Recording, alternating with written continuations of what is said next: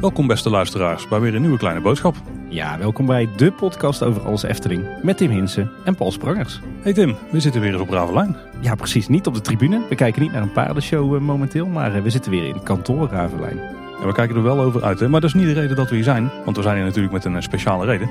Ja, we gaan het vandaag hebben over eh, de Efteling en haar fans. Of meer specifiek over de verstandhouding tussen de Efteling en, eh, en de fans. En ook de fanmedia. In het verleden, in het heden en in de toekomst. Oeh, wat zeg je er mooi Tim. En daarom hebben we twee gasten aan tafel zitten. Eén iemand die hebben jullie al regelmatig een kleine boodschap kunnen horen. En als je je abonneert op een andere podcast, dan hoor je hem daar waarschijnlijk wekelijks. En dat is Marvin van de Vijf Zintuigen. Ja, daar zijn we weer. Ah, kijk, die, die hadden we niet mogen missen natuurlijk. Ja, Marvin, die kun je kennen van een aantal afleveringen dus van Kleine Boodschap. Je hebt onder andere gepraat over eh, hoe jouw Efteling fanleven eruit heeft gezien en wat je bij de Vijf Zintuigen hebt gedaan. We hebben een keer over bordspellen gepraat. We hebben het over de Vijf Zintuigen pubquiz gehad over de Efteling. Ja, bijna stamgasten eigenlijk. Hè? Ja, zeker. nou, de Vijf Zintuigen, die naam is al een paar keer gevallen. Is een van de langst meegaande Efteling fanmedia uitingen, denk ik, die we hebben. Begon Ja. natuurlijk als Villa Volta web en daarna doorgegroeid naar de Vijf Zintuigen. Inderdaad, nog steeds niet de oudste website. Dat is nog steeds sprookjes.org van Erwin Scheper, maar eh, de ene oudste. Maar jullie zijn eh, al die jaren vrij actief gebleven met het maken Ja. van eh, bijvoorbeeld de documentaires. Dus dat is hetgene wat wat mij betreft voorop staat, want die zijn echt van topkwaliteit. Ook die hebben we al vaak genoeg veren in bepaalde gaten bestoken. Dat vinden wij heel tof dat dat gebeurt. En ik ben ook benieuwd wat de Efteling daarvan vindt. Maar daar kunnen we het daar ook over hebben. Maar de andere gast die zit al vol smart te wachten. Maar nog een paar dingen over jou, Marwin. Want tegenwoordig ben je ook te horen iedere week in de podcast After Park Lounge over Ja, Europa Park. Klopt inderdaad, dus, eh, dus voornamelijk ja, wekelijkse podcast over, over Europa Park en alles wat daarmee te maken heeft. eh. Maar de Efteling achter, daar zit er nog steeds. Hè? jawel, jawel. En af en toe maken we ook wel eens een beetje een zijstapje Ja, richting, klopt, richting, richting de Efteling, maar dat is het dan ook wel. Hè. Dat kunnen jullie toch niet laten, inderdaad. Maar dat is ook helemaal prima. Daar, eh, daar genieten wij alleen maar van eh, om dat soort afleveringen te luisteren natuurlijk. Eh, ja, Marvin, als mensen meer over jou willen, willen weten, dan raad ik ze vooral aan om eh, aflevering 66 van eh, Kleine Boodschap te luisteren. Dat is inderdaad een uitgebreid interview eh, met jou. Eh, maar we hebben ook nog een andere kerel hier aan tafel zitten, aan mijn andere zijde. Eh, Steven van Geels, welkom eh, in Kleine Boodschap. Ja, dankjewel. En Steven kennen wij al heel goed. Eh, want ondanks dat je Steven misschien pas één keer hebt gehoord in onze opnames. Maar misschien dat je hem een keer eh, wat geluid hebt horen maken in de achtergrond. want Steven is meestal degene die ons begeleidt als wij een interview hebben bij de Efteling. En die dat soort interviews ook voor ons opzet. Dus wij kennen Steven heel goed. En je hebt hem ook nog kunnen horen in een kleine boodschap 199. Waar Steven nog een vraag voor ons had. Klopt, ja. Steven, eh, jij bent onze, onze primaire contactpersoon binnen de Efteling, eh, zeg maar. Eh, maar je bent inderdaad een nieuwe naam voor onze luisteraars. Zou je eens wat meer over jezelf eh, willen vertellen? Ja, natuurlijk. Mijn naam is Steven van Geels. Ik eh, werk al zo'n eh 15 jaar bijna in de Efteling. Begonnen als eh, vakantiemedewerker, eh, ja, zoals zoveel. Eh, bij het Centraal Magazijn destijds. Eh, ja, allerlei stappen doorgaan, bij attracties gewerkt. Ehm, uiteindelijk op, eh, bij het contactcenter terechtgekomen. En nu dus eh, vier jaar bij eh, de afdeling communicatie. Communicatie en reputatie moet ik zeggen. Ja, waarvan ik de laatste jaren eh, me vooral ook eh, bezig hou met de fans. En ik, ik zag ook voorbij komen, jij hebt ook eh, nog de webcare een tijdje gedaan volgens mij. Hè? Klopt, ja. En dus jij was een van de, de dakjes eh, op de Twitter-account Ja, van Efteling. Steven, dat was ik. Ja, dat klopt. En eh, volgens mij ken ik jou nog uit de tijd dat jij op reisrijk attracties werkte. Hè? klopt, ja, daar heb ik ook gewerkt. Ja. Kijk, een lange loopbaan bij, bij de Efteling dus. Hey, je zei het net al, je werkt bij communicatie en reputatie. Zou je wat meer kunnen vertellen over die afdeling? Ja, wij zijn eigenlijk de afdeling binnen de Efteling die eh, ervoor zorgt dat eh, alle communicatie, zowel intern als extern, eh, eruit gaat. Eh, dus dat zowel de medewerkers op de hoogte zijn als onze persrelaties, ehm, maar ook de fansites, ehm, ja, eigenlijk alle externe eh, kanalen. En ja, wij eh, hebben de term reputatie hebben een tijdje terug, denk nu een jaar geleden, misschien twee jaar geleden, erbij gekregen. Omdat het ook wel heel belangrijk is om die, eh, die tak goed te beleggen. En eh, daarom houden we ons ook bezig met een stukje reputatiemanagement. Om te zorgen dat die reputatie van de Efteling eh, bewaakt en versterkt wordt. Reputatiemanagement, die kende ik nog niet. Wat, wat houdt dat zo al in? Ja, dat is er vooral voor zorgen dat die reputatie van de Efteling eh, goed is. Die is redelijk goed, maar die willen wij ook versterken en ja, sterk houden. Ehm, dat doen we door onder andere te monitoren van hoe men over de Efteling denkt. Ehm, daar hebben we ook de afdeling onderzoek uiteraard voor die ons daarbij helpt. Ehm, maar wij zijn er vooral voor om te zorgen dat in alle communicatie eh, de Efteling eh, goed naar voren komt. We hebben een aantal keer in onze nieuwsaflevering al genoemd dat er ook een interne Efteling podcast is. En daar heb je ook van alles mee te maken. Klopt, ja. Die, eh, ja, die host ik eigenlijk, zeg maar. Dat is eh, sinds kort. We hebben nu zeven afleveringen erop staan. Eigenlijk in rap tempo eh, opgenomen. En eh, ja, daar stel ik eh, Eftelingers vragen over eh, hun werkzaamheden, maar ook over hun privéleven. Zodat collega's elkaar ook een beetje leren kennen.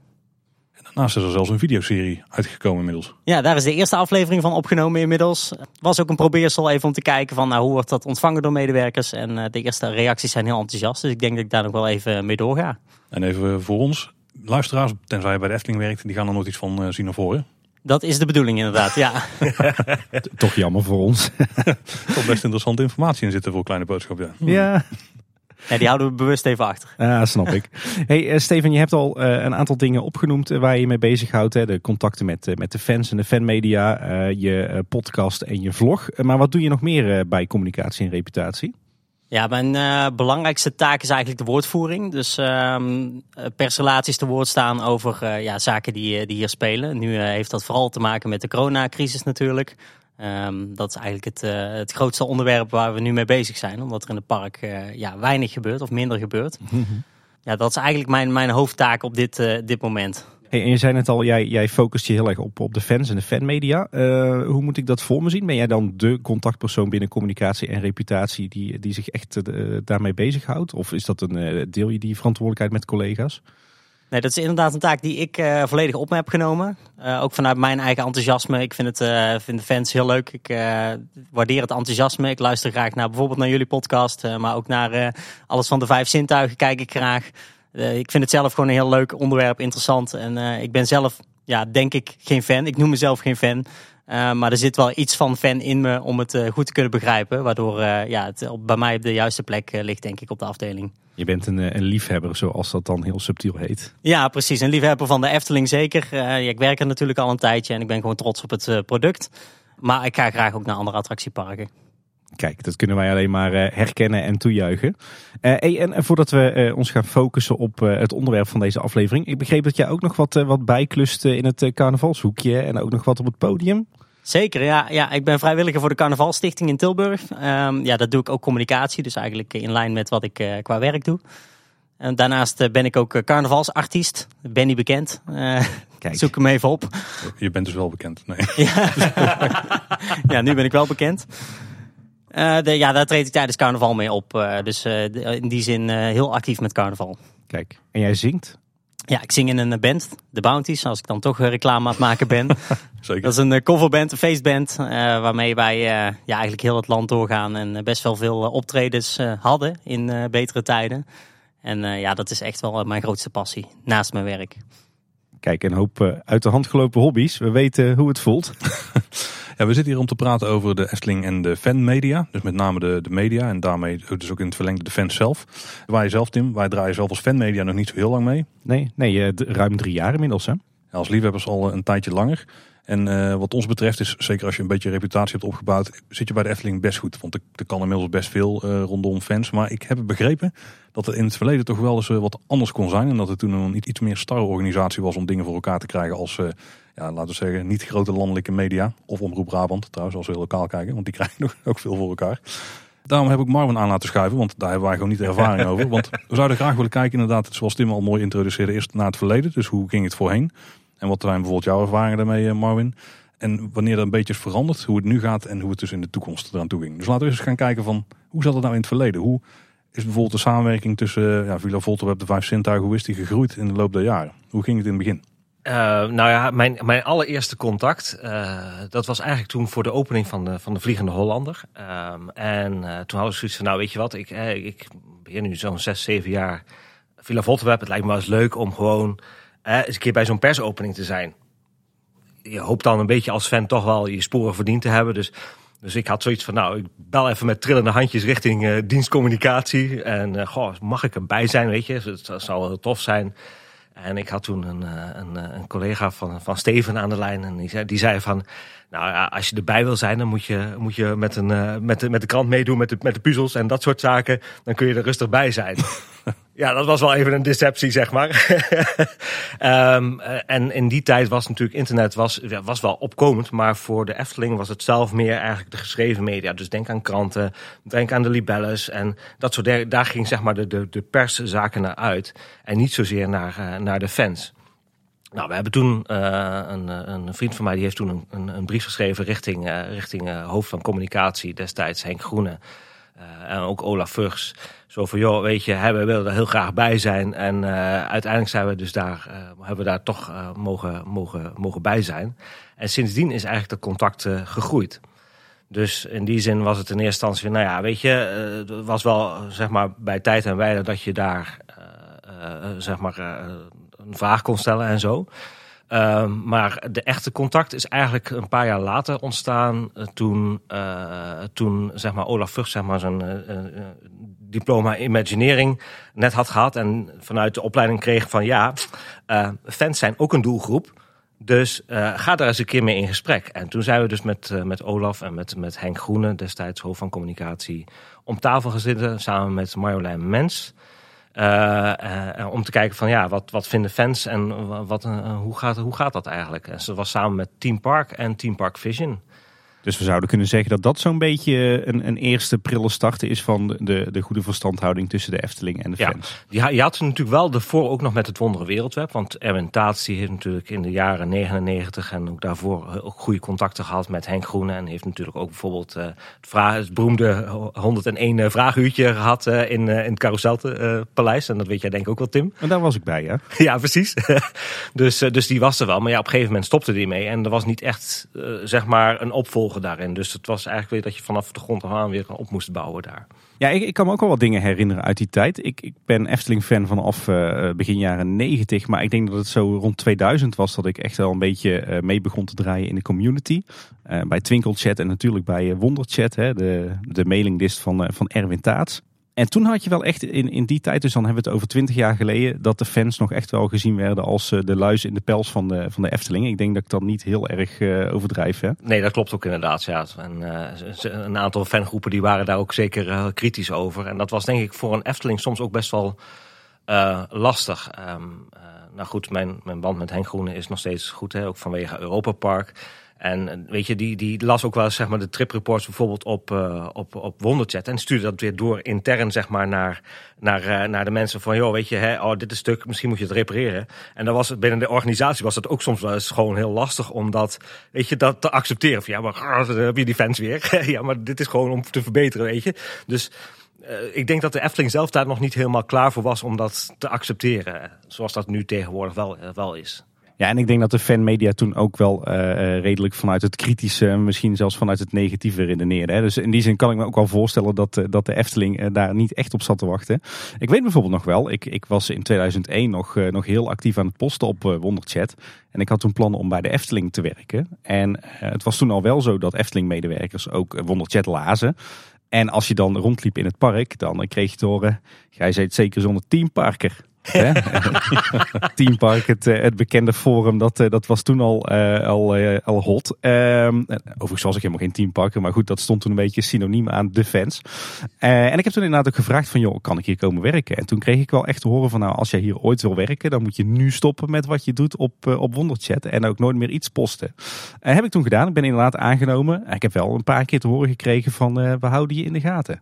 Ja. Dus zo was toen een beetje het, eh, de, de verstandhouding tussen de Efteling en de fans. Toch nog een, uh, redelijk uh, wantrouwen, denk ik. en ik heb de indruk dat dat de afgelopen twintig jaar behoorlijk is veranderd. Zeker, zeker. ik, ik weet nog wel dat um, Sander, die, een, een, vriend van mij, die, die heeft hier ook gewerkt inderdaad. En, en een van de verhalen die, die me nog heel goed bijstond was dat op een gegeven moment was er informatie over poortpassen en dat soort zaken. En door een stom toeval uh, kwam dat online te staan, al op de website. Dus ik had daar een mooi berichtje van gemaakt. En Sander werkte hier en er was gelijk, wacht eens even. Heb je gelijk? Nee, het is gewoon, het staat al online, zeg maar. Dus dat, dat merk je daar wel in, zeg maar. Weet je, daar, daar, houdt de Efteling wel, hield de Efteling wel goed, uh, zeg maar, in de gaten. Ja, dat klopt. Want dat is dus een beetje misschien het sentiment wat er intern toen was, richting de fans. Kan je deze maar voorstellen? Ja, ik kan me er zeker iets bij voorstellen. Het is niet zo ook dat wij nu uh, denken dat, of dat, we nu heel makkelijk denken over fans van nou ze mogen alles en uh, laat maar komen. Um, ik snap dat het destijds ook een worsteling is geweest van ja wat moeten we er nou mee en die kritiek iedere keer en uh, ze geven ieder detail weg. Um, dat is nog steeds wel iets waar we nog steeds mee worstelen. Toen was denk ik natuurlijk ook dat het opkomende internet. Het was heel makkelijk om informatie te verspreiden. Wat daarvoor natuurlijk veel moeilijker was. Ik bedoel, Jeroen Verrij had niet voor niks eh, een fanblaadje wat er geprint moest worden. Ja, dat hoefde toen op dat moment niet meer. Dus het ging heel snel. Dat was misschien ook nieuw voor iedereen. Ja, en dat zie je nog steeds. eh, heel veel nieuws wat er eh, uitlekt, zeg maar. Dat komt vanuit twitteraars of fans die op Twitter zitten. Dus ja, dat is voor ons iets, iets nieuws. Tenminste, het is inmiddels al, al redelijk oud. Maar het blijft wel even wennen hoe wij daar het beste mee om kunnen gaan. We willen natuurlijk het nieuws zoveel mogelijk zelf in de hand houden. Dus ik kan me ook voorstellen dat in een tijd dat, het, eh, dat er geen social media was, dat dat eh, ook nog steeds een, eh, een struggle was waar ze mee zaten. Ja. Ja, dat, eh, dat waren inderdaad de tijden met eh, Henk Groene aan het hoofd bij communicatie. Die was eh, redelijk protectionistisch wat dat betreft ten opzichte van fans. Ik denk dat ik dan nog subtiel uitdruk. Maar we hadden het er net al even over. Er is sindsdien heel veel gebeurd en heel veel verbeterd in de verstandhouding tussen de Efteling en de fans.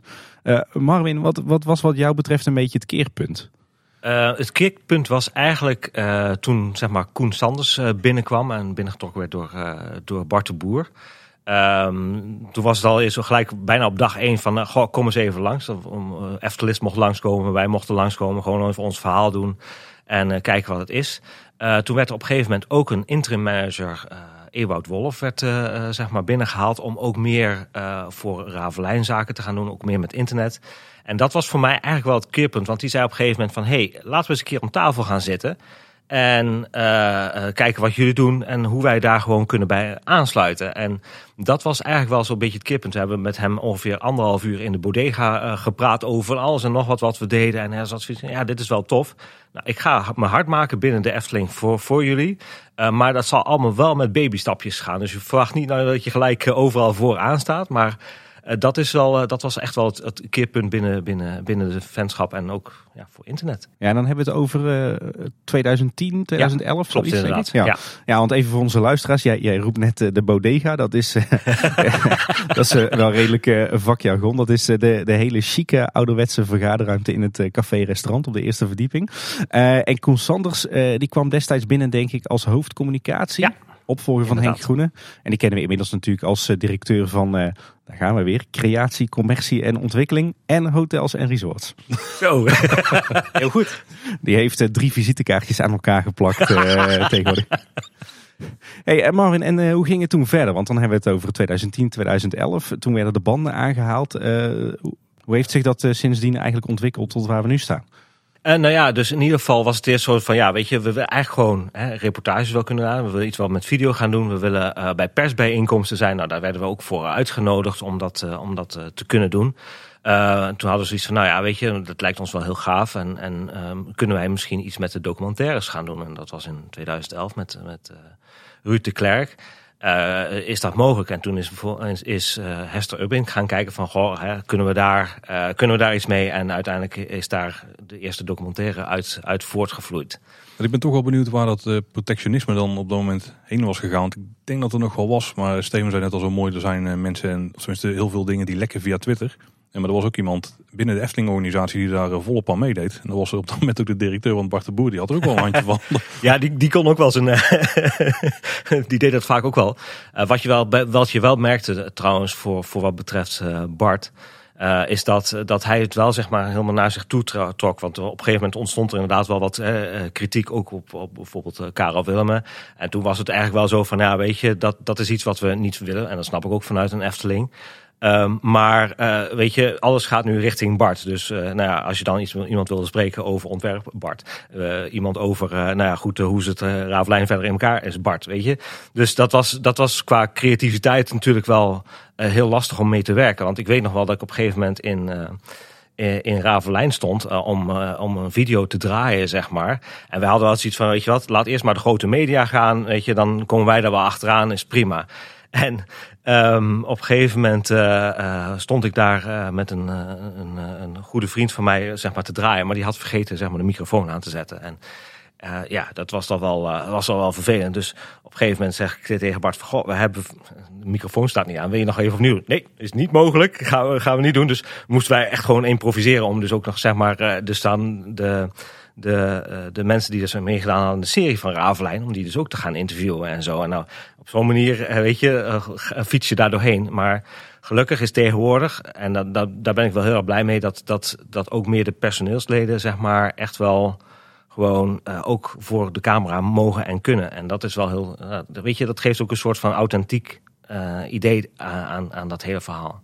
Ik denk dat die ommekeer wel heel erg goed bij Bart paste verder. Buiten dan dat hij dan misschien niet altijd tijd had omdat hij voor iedereen het woord moest voeren. Ja, dat, dat klopt ook inderdaad. Maar Bart was natuurlijk heel erg uitgesproken. En, want dat, dat is ook natuurlijk wel een beetje ja, ook een balans die de Efteling zelf moet zoeken, denk ik. Maar als je kijkt naar de mensen die gewoon in het park komen, die een mooie dag hebben, die komen echt daarvoor. Nou, fans komen daarvoor ook naar het park. Maar die fans die smachten ook echt naar de kijkje achter de schermen. Naar een keer ja. doek op telen en kijken wat er achter allemaal gebeurt. En ik weet dat de Efteling, uh, vooral uh, Frans die is er heel erg van, dat, dat ze daar ook een beetje willen afschermen van iedereen. Maar ja, dat is wat fans heel graag willen weten. En dat is natuurlijk waar wij ook altijd met onze interviews proberen te achterhalen. Van hoe, hoe werkt het nou allemaal? Ja. En, maar Bart die gaf daar zelf ook graag weg volgens mij. Ja, deels, deels. Um, maar daar werd nog, of tenminste zeker, eh, werd daar ook nog wel beschermend over, over, over gedaan. Want ik weet nog wel dat we ergens in, wat was het, 2014 zo'n beetje. Toen zijn we naar Europa Park gegaan om een, een, een reportage te maken over Arthur. En toen zat ik op de terugweg. Ik denk, ja, Droomvlucht is in verbouwing. Het lijkt mij wel heel tof om, om daar een, een, een hele mooie video over te maken. Dus ik had nou, Koen had benaderd van, joh, Koen, Goed, dat zouden wij willen graag dat zouden wij willen doen. Nou ja, dat kan niet. Hè. Natuurlijk karakters, uh, dat, dat gaat niet. Oké, dat snap ik ook in, in de filosofie. Alleen één week later had de afdeling media dus ook een making-of gemaakt. En daar wist Koen dan weer niks van. Maar ja, weet je, je, je merkt wel dat er dan... Aan de ene kant zeg je dit en aan de andere kant zeg je dat. Dus dat is soms, ook voor fans, is dat best wel lastig om dan te begrijpen van... Ja, maar hè, hoe, hoe, hoe, hoe moet ik hiermee omgaan? En zeker in die tijd in die tijd schreven we nog heel veel nieuws. We maakten ook nog documentaires. En voor de Efteling was dat ook gewoon heel lastig om te zeggen van ja, maar wat, wat, wat zijn jullie nu? Want aan de ene kant schrijven jullie nieuws, zijn jullie kritisch over ons. Maar aan de andere kant met de documentaires schuren jullie heel dicht tegen onze eigen producties aan. En om dat te vatten, hè, omdat wij dus zo, zo, zo breed waren, was dat voor de Efteling best wel een puzzel om dat om, om te leggen. Ja, dan maken we even een sprongetje naar het, eh, naar het heden. Uh, en dan kijk ik naar jou, Steven. Want jij ging dus een paar jaar geleden aan de slag bij uh, communicatie. En jij ging daar ook aan de slag met, met de fans en de fanmedia. Wat was op, op dat moment een beetje de, de manier hoe tegen de fans werd aangekeken toen jij daarmee begon? Ja, dat heeft sowieso even geduurd voordat ik dat ging doen. Ik heb eerst een, denk ik een twee jaar op de afdeling communicatie gezeten. En was ik vooral verantwoordelijk voor de opname in het park. Um, en ik heb het uiteindelijk overgenomen omdat ik er uh, zelf heel enthousiast over was. En het uh, lag op dat moment bij een collega die, uh, die het wel leuk vond, maar die, ja, die er niet zoveel mee had. En die ook de fanwereld wat moeilijk vond om te, te begrijpen, wat ik, ook, wat ik ook snap. Snappen wij ook. ja, de, de, de, de struggelingen waar jullie het net over hadden, die, die waren er toen nog steeds. Dus ik ben dat gewoon met veel enthousiasme ben ik dat, ben ik dat op gaan pakken. En ik merkte al gelijk ook dat daar ja, echt binnen de organisatie ook wel wat uh, problemen zaten. Um, dat men het moeilijk vond om uh, details prijs te geven, um, dingen toe te zeggen die uh, we ooit misschien zelf wel willen gaan doen. Archiefbeelden vrijgeven is een, ja, een gevoelig ding. Dat doen we niet graag, omdat we het ook een beetje voor onszelf willen houden en ook ooit misschien nog wel eens willen gaan gebruiken. Dus ik, ik liep daar al gelijk tegen een aantal dingen aan waarvan ik dacht van ja, misschien moeten we daar, kunnen we daar wel iets meer mee. En, en, want hoe werd er op dat moment naar de fans gekeken? Nog steeds een beetje als de luis in de pels? Of zag men ook al wel daar de potentie van in? Um, wisselend. Op onze afdeling uh, was er wel veel begrip en uh, wel um, besef dat de fans heel belangrijk zijn voor de Efteling. Binnen de organisatie merk je wel dat er ook nog wel een beetje tegen, de, en nu nog steeds gekeken wordt van ja, daar heb je die fans weer en uh, let maar op wat je zegt, wat je net een beetje beschreef. Of dat er een fan herkend, herkend wordt of iemand een vraag krijgt, ben jij misschien van loopings als je iets te veel vragen doorstelt. Ja. dat zit er nog wel een beetje in. Nog een beetje dat uh, licht gezonde wantrouwen dan misschien. Ja, precies, precies. Hey, maar jij bent daar toen mee aan de slag gegaan. En uh, wat, is, wat heb je sindsdien veranderd? Wat, wat heb je opgepakt en hoe heb je dat gedaan? Ja, sowieso wilde ik heel benaderbaar zijn voor de, voor de fanmedia. Uh, dus ik heb eigenlijk contact gezocht met al onze vaste uh, ja, fanmedia contacten op dat moment. Daar zaten jullie toen ook al bij. de vijf zintuigen zaten erbij. Nou, bijvoorbeeld een Bart Baan, Uh, ja, Wessel, die, uh, die daar een beetje uh, tussen valt eigenlijk qua nieuws en qua fan. Dus dat zijn de contacten die ik ben gaan benaderen en uh, die ik uitgenodigd heb ook vaak voor een bak koffie. Omdat ik gewoon wilde dat zij makkelijk ons konden benaderen voor dingen. Dus ehm, ik kan me voorstellen dat het een tijdje moeilijk is geweest dat er niet altijd heel enthousiast is ingegaan op fanverzoeken. En ik wilde laten zien van, nou, kom bij mij, ik ga jullie helpen. En daar ben ik mee begonnen. En op een gegeven moment heb ik iedereen ook tegelijk uitgenodigd. We hebben bij elkaar gezeten in, in Bosrijk in een huisje. Ehm, ja, om even gewoon op tafel te gooien van wat verwachten jullie nou van de Efteling? Wat verwacht ik van jullie? Uh, waar kunnen we elkaar helpen? En um, ja, dat was eigenlijk een heel leuk positief gesprek wat we toen hadden. Uh, met hele, hele fijne inzichten en uh, heel veel leuke ideeën. Waar we tot op heden ja, nog niet heel veel mee hebben kunnen doen. Ook vanwege de huidige situatie. Um, maar wel een basis denk ik voor een, ja, een mooie toekomst voor de fans. Ik denk ook sowieso dat, zeg maar, tot aan de komst van, van Steven, zeg maar, hè, als, als communicatieman, zeg maar, echt ook gewoon voornamelijk vijf zintuigen was die, die zeg maar de, de, de connecties had en, en, en, en houdt. En eigenlijk heeft, heeft uh, Steven dat een stuk verbreed. Want de community zelf is gewoon een heel stuk volwassener geworden. Uh, dat zie je wel vaker. Hè? Dus dat er dan van allerlei partijen ontstaan. En dat is waar je dan ook op een gegeven moment ja, mee moet gaan dealen. Dat, uh, dat verwacht ik wel daar. Ja, en dat is nog steeds lastig hoor. Want er komen steeds meer fansites en kanalen die ook wel het leuk vinden om een ontwerper te spreken. Wat, wat jullie bijvoorbeeld vaak doen maar we kunnen natuurlijk niet overal aan meewerken. En uh, ook daar moeten we keuzes in gaan maken van ja, wie gunnen we nou wel iets, uh, wie niet. En uh, ja, ik zeg gunnen, dat is eigenlijk heel is niet aardig, want we gunnen het iedereen natuurlijk. Um, maar we moeten daarbij wel kijken naar bijvoorbeeld bereik binnen de fanwereld. Um, wie heeft een grote fanbase opgebouwd en ja, wie niet. Er zijn ook kanalen die echt heel weinig volgers hebben. Ja, daar kunnen we helaas niet aan meewerken, omdat het ja, ook gewoon voor ons heel veel tijd kost. En dat is trouwens ook niet nieuw. Hè? Dat was destijds ook al natuurlijk uh, in, in, in de beginjaren. Dus dat, dat, dat zal altijd een struggle blijven. En ik denk dat, ja, wat dat betreft wil ik dan niet in, in stevige schoenen staan om, om die keuzes te maken. Want weet je, uiteindelijk doet een fan natuurlijk het altijd voor, voor zijn passie en zijn enthousiasme. En, maar hij zal zich moeten bewijzen. Zo simpel werkt het. Ja, dat hebben we ook wel gemerkt hoor. Want uh, toen wij, denk ik, was een week of vijf, zes bezig waren, toen hebben we het eerst contact gezocht ik een aflevering 191 verteld, maar we wilden een opname maken in het park. was toen met Chris van der Zander, die fotograaf. En dat was de eerste keer dat we in het park gingen opnemen. Ik nou, dan zal ik het in ieder geval netjes melden. Maar toen ging het al meteen van, uh, oh ja, we dan uh, regelen iemand, we moeten even kijken dat we iemand hebben die dan op dat moment kan meelopen. Ik denk, nou, rustig aan. het is gewoon twee microfoons en, en we gaan zitten daar gewoon een beetje te kletsen en we lopen af en toe wel rond. En ik had al gezegd, we zullen niemand tot last zijn, want ik had ook al bedacht dat dat dan wel een goed idee zou zijn. En toen hebben we heel kort contact gehad, niet met jou, zoals met een collega. En uh, vanaf daar is het een beetje uitgebouwd. En wij kennen ook via, via iemand die toen ook bij communicatie werkt. En volgens mij zijn we zo bij de Python heropening terechtgekomen. En zo is het een beetje gaan groeien. Maar toen jij in beeld kwam, Steven, toen is het bij ons ook veel sneller gegaan, zeg maar. Want Tim die grapte erover in Kleine Boodschap 199 dat hij met jou vrijwel net zoveel WhatsApp contact heeft als met mij. maar ik denk niet dat dat geloof is. Want dat, vind ik, dat vinden wij in ieder geval heel prettig. Ja, je bent heel benaderbaar. Uh, ook heel duidelijk. Het is van ja, ik ga kijken wat ik kan doen, maar ik kan niks beloven. Nou, dat snappen wij ook, want zo werkt dat gewoon. Wij kunnen ook voorstellen dat niet iedereen uh, meteen tijd kan vrijmaken om dingen te doen. Maar misschien even inhaken op, op van, van, ja, weet je, we gaan met twee microfoons het park in, dus we hebben niet, hè, niet de persoon nodig. We hebben dus ook een tijd gehad dat, uh, dat we gewoon zeg maar een brief meekregen van nou wij zijn in het park en wij mogen filmen en dit en dat zo. Maar je merkt wel als, als dus iemand zeg maar een, een begeleider erbij is, dat het dan eigenlijk veel soepeler gaat. Want ja, weet je, je kunt wel afspraken maken van ja, je mag geen gasten interviewen en enzovoort enzovoort. Want dat is natuurlijk ook uh, wat, wat daar meespeelt. Maar als je dan iemand erbij hebt, dan is het altijd een stuk makkelijker zeg maar, uh, om zaken geregeld te krijgen. Zo zijn wij bijvoorbeeld voor de Lex documentaire. Uh, weet je, hebben we op de, op de trimbreak mogen staan. Uh, omdat er dus ook zeg maar, gastvrouw bij is. En dan, wordt, dan kan, kan dat soort dingen geregeld worden. Terwijl het normaal, als je daar gewoon zelf staat te filmen, dan gaat dat dus niet. Nee, zeker niet met filmen. Nee, dan is dat een stuk lastiger. Ja. Maar wat ik nog even wel wil benadrukken, hebben we al vaker gedaan. Maar ik herken ook het verhaal van het bereik. Zeg maar, en dat je, je moet je, je spoor een beetje bewezen hebben, denk ik, als media-uiting. Klopt, ja. Want ik zeg wel, we belden, maar dat ging allemaal niet heel makkelijk in het begin hoor. Er was veel mailen en dan misschien iemand een keer aan de lijn krijgen. Een beetje uitleggen wat we doen. Nou, het was allemaal niet zo'n probleem, want het was niet zo high profile. Maar het is echt pas veel ja, later gekomen dat er nauwe contact er is geweest. En dat wij denk ik echt ook, dat de naam enigszins een belletje deed rinkelen als we überhaupt een mailtje stuurden of bellen. Want zo ging het vaak in het begin. Hè. Toen was het echt gewoon mailen en hopen dat iemand het oppikt. Ja, het is wat je zegt. Je moet inderdaad wel eerst iets opbouwen voordat, je echt, voordat we mee kunnen werken aan allerlei verzoeken. Uh, zeker de verzoeken om mensen te gaan interviewen, ja, daar moeten we echt uh, tijd voor vrijmaken. We moeten mensen tijd voor vrijmaken.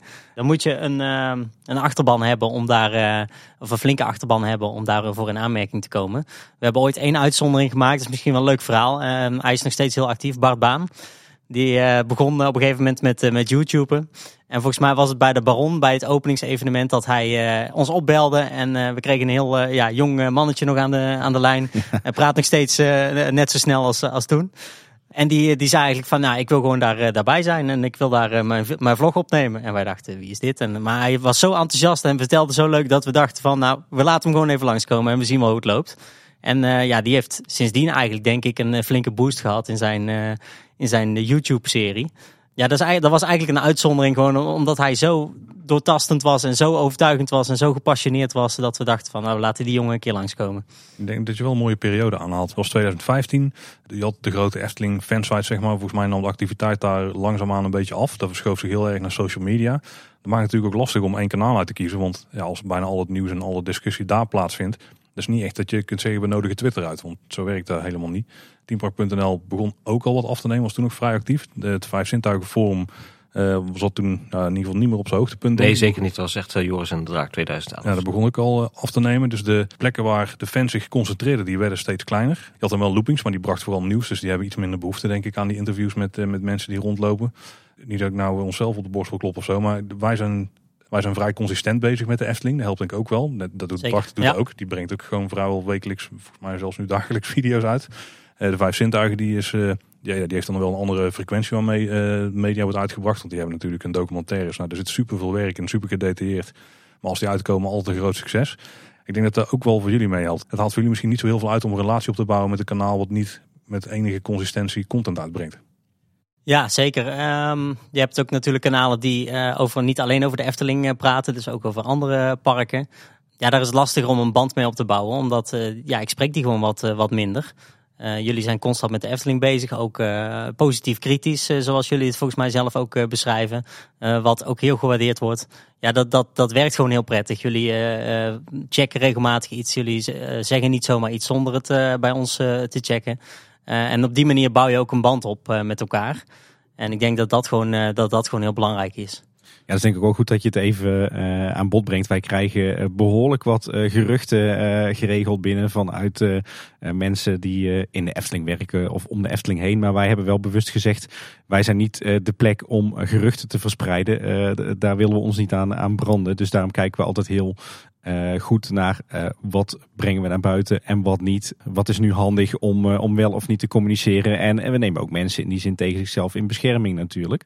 Maar om nog even terug te komen, want voordat onze luisteraars denken dat ze allemaal op zondagavond met jou kunnen gaan zitten WhatsApp, Steven.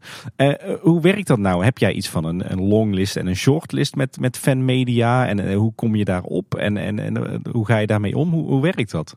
Ja, ik ben daar nog steeds wel een beetje zoekende in. Ik heb wel een, een lijstje met uh, um, fanmedia waar ik uh, veel contact mee heb. En uh, die ik eigenlijk bijna standaard wel uitnodig voor persevenementen. Um, maar ik ben daar nog wel een beetje zoekende in van hoe, hoe ga ik dat benaderen als er straks nieuwe fansites bij komen. Hoe maak ik die keuze? Er zijn een aantal studenten die voor ons ook een onderzoek hebben gedaan. Die hebben volgens mij jullie ook allemaal gesproken. Die uh, hebben wel op een rijtje gezet van uh, wat nou de kanalen zijn met het grootste bereik. Wat we toch wel als communicatieafdeling uh, ja, belangrijk vinden. Dat is ook de reden waarom het altijd een beetje kijken is met fanmedia. Van, wat moeten we er nou mee? Omdat wij bereik is voor ons gewoon heel belangrijk. Um, dus ik heb daar wel een overzicht van en um, zo mijn vaste contacten. Maar om nou echt te zeggen, er zit een hele erge harde lijn in. nee, die is er niet. het is ook een beetje gevoel. Als ik voel van, nou dit is echt iets positiefs, een bijdrage aan de reputatie van de Efteling, dan denk ik van ja, daar moeten we gewoon uh, iets mee doen. En je weet misschien ook dat als kleine boodschap langskomt, dan wordt er altijd een item van gemaakt. Terwijl als loopings misschien ook meekomt, die gebruikt als achtergrondinformatie, maar dat doen er niet meteen iets mee. Ik kan me bijvoorbeeld herinneren dat uh, Carnaval Festival was op de schop genomen. En toen waren loopings, kleine boodschap en de vijf zintuigen waren uitgenodigd om daar items over te maken. En dat is natuurlijk ook een heel klein ding vrij, beperkt. We draaiden in principe mee met de medewerker previews op dat moment. Dus dat was ook al, denk ik, een bijzondere situatie voor jullie. Kijk, en als een, e- hoe groter een evenement wordt, hoe meer of hoe makkelijker het er ook is om meer media uit te nodigen. En dan ook wat diversere media. Ja, daar zit wel verschil in. Bij de grotere evenementen dan zeggen we gewoon, ja, laat ze gewoon allemaal, ja, niet allemaal, maar mijn lijstje komen, zeg maar. Um, en bij kleinere evenementen moet ik vaak een keuze maken van wie nodig ik dan wel uit. En dan kies ik vaak voor de kanalen inderdaad die sowieso iets met uh, het evenement gaan doen, die er verslag van gaan doen. Um, dus daar zit inderdaad wel verschil in, ja. Nou, ik denk dat je dat verschil mooi kon zien met de heropening van de Python. Daar was vrijwel iedereen bij. Dus ook de eerste keer dat wij Bart hebben ontmoet. Ja. Uh, maar er waren ook de mensen van de Eftelingse straat bij. Nog wel andere kanalen. Eftel West was er bijvoorbeeld bij. Maar dan bij de Zes Zwanen was weer een iets kleinere opening. Dan heb je natuurlijk niet een heel plein wat je vol kunt zetten met mensen.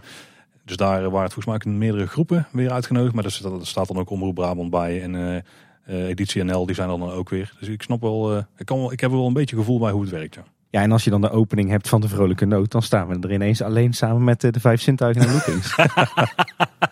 Ja, daar was iets minder animo voor, denk ik. Ja. hey Steven, je bent nu al een paar jaar bezig dus met, met de Efteling en haar fans en de fanmedia. Eh, wat is op dit moment een beetje de visie van de Efteling op, op fans en fanmedia? Nou, wij vinden fans heel belangrijk. Het zijn eh, ambassadeurs voor de Efteling. Net zoals dat medewerkers ambassadeurs zijn naar buiten toe, zijn ook fans zeker ambassadeurs voor de Efteling. Ehm, en ook de kritische blik van fans zijn gewoon heel belangrijk voor ons. Omdat eh, daar vaak ja, gewoon lering uitgetrokken kan worden. Dus eh, eh, ik weet dat de ontwerpafdeling ook heel graag naar de fankritieken kijkt. Ook al zijn ze soms niet mals. Maar we kunnen daar absoluut iets mee. En dat, da- dat maakt de fans voor de Efteling gewoon heel belangrijk. En het is heel belangrijk om ze te vriend te houden. Ehm, zeker ook omdat ik, wat ik al eerder zei, dat ze ook nieuws uitlekken. Ehm, dus door een goede band op te bouwen met fans kunnen we dat misschien voorkomen. Of in ieder geval eh, meer regie op, eh, op uitoefenen. Ik denk dat fans eh, sowieso ambassadeurs zijn. Ik, ehm, ja, ik, we zeggen het altijd over medewerkers. Op een feestje dan eh, willen we dat onze medewerkers eh, enthousiast over de Efteling vertellen. En ik denk dat dat bij fans precies hetzelfde is. Als jij gepassioneerd bent over iets, dan vertel je daar graag over. En ja, ik denk dat zij ook op ieder feestje positieve dingen over de Efteling zeggen. En misschien ook negatieve dingen. Maar ik, ik denk dat het positieve dan toch de overhand neemt. Misschien zijn wij gekleurd omdat we hier in de buurt wonen. Maar het komt ook echt ieder feestje komt ter sprake. Ja, ik zeg tegenwoordig maar luister maar gewoon naar de podcast. Ik heb geen zin om er nou weer een uur over te gaan. Dat eh, begrijp ik ook, ja. We hebben het eh, de hele tijd over, over fans. Dat is toch een, eh, een naam met een klein beetje licht, licht negatieve lading misschien wel. Er wordt ook wel eens gesproken over Efteling-liefhebbers. Maar er zijn natuurlijk ook een kleine 90.000 abonnementhouders. Hoe kijken jullie daar zelf tegenaan? Is er voor jullie een soort gradatie in, in de abonnementhouders? En dan komen de liefhebbers, dan komen de fans. Hebben jullie een beetje een beeld van de aantallen daarvan? Of wordt daar niet zo bewust mee omge- omgegaan? Ik vind het woord fans eh, ook altijd lastig. Ehm, als ik fans zeg, bedoel ik dat niet negatief. Eh, fans en liefhebbers is in mijn- ogen een beetje hetzelfde.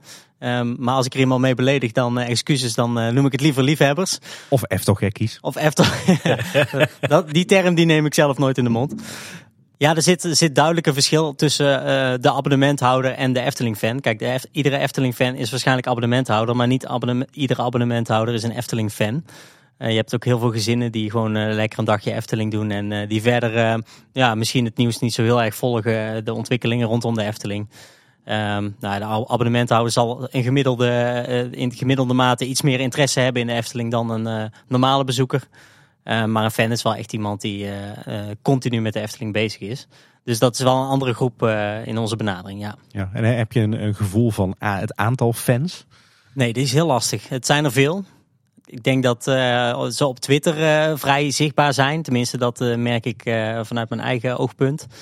Maar het aantal, eh, nee, daar heb ik echt geen, geen zicht op. Nou, ik, ik denk sowieso ook dat het heel lastig te kwantificeren is. Want ook uit- vanuit de Efteling heb ik wel eens vaker gevraagd gekregen. Maar hoe groot is nou de fanbase? Ja, weet je, ik kan het aantal forumleden zien en ik kan eh, het aantal volgers zien. Maar dat wil niet zeggen dat, dat elke vol, of tenminste dat als mensen hè, bijvoorbeeld ons, ons YouTube kanaal volgen of een keer een filmpje kijken, dat, dat zij dan misschien hè, ook een bovenmatige interesse hebben in, in, in, in de Efteling. Ja, waar het omslagpunt? Hè? Wanneer eh, val je in de fancategorie? Precies, dus het, is, het is heel, dat is heel een grijs gebied eh, om, dat, eh, om dat aan te geven. En ik denk dat het ook voor Steven daarom heel erg lastig is, zal zijn om te zeggen van ja, maar goed, hè, eh, hoe groot is een fanbase nou? Dat, dat blijft een gevoelskwestie. Ja, kijk, wat een mooi stukje fanservice is tegenwoordig, is wat er allemaal op het blog gebeurt. Want er staan gewoon artikelen op die echt de diepgang hebben die wij graag zoeken als, eh, als liefhebber. Maar als je dan als abonnementhouder een e-mail krijgt, dan worden daar ook een paar artikelen altijd uitgelicht. Ja, klopt. Nou, ik denk dat het wel heel tof is om te zien dat, dat, dat de Efteling dat nu ook gewoon promoot. Want zij hebben dat in het verleden ook wel gezegd. Van, nou, weet je wat. Hè, eh, en volgens mij is dat denk ik het eerste gebeurd bij de, eh, de, de making-of van de, van de, van de Python. Hè. Dus die kregen, we gingen op een gegeven moment samen met, eh, eh, met een collega van, van Steven om tafel. Zo van ja, wij willen graag een, jullie een, making-of aanbieden. Want ja, we hebben volgens mij het idee dat, het- dat het op zich, hè, dat past prima binnen de fansize, maar op zich niet breder dan dat. Nou, toen werd op een gegeven moment wel door kranten opgepikt. Zo van, hé, hey, Python gaat aangepast worden. Dus, dus, maar dan zie je dus ook in één keer een hele mooie samenwerking ontstaan met...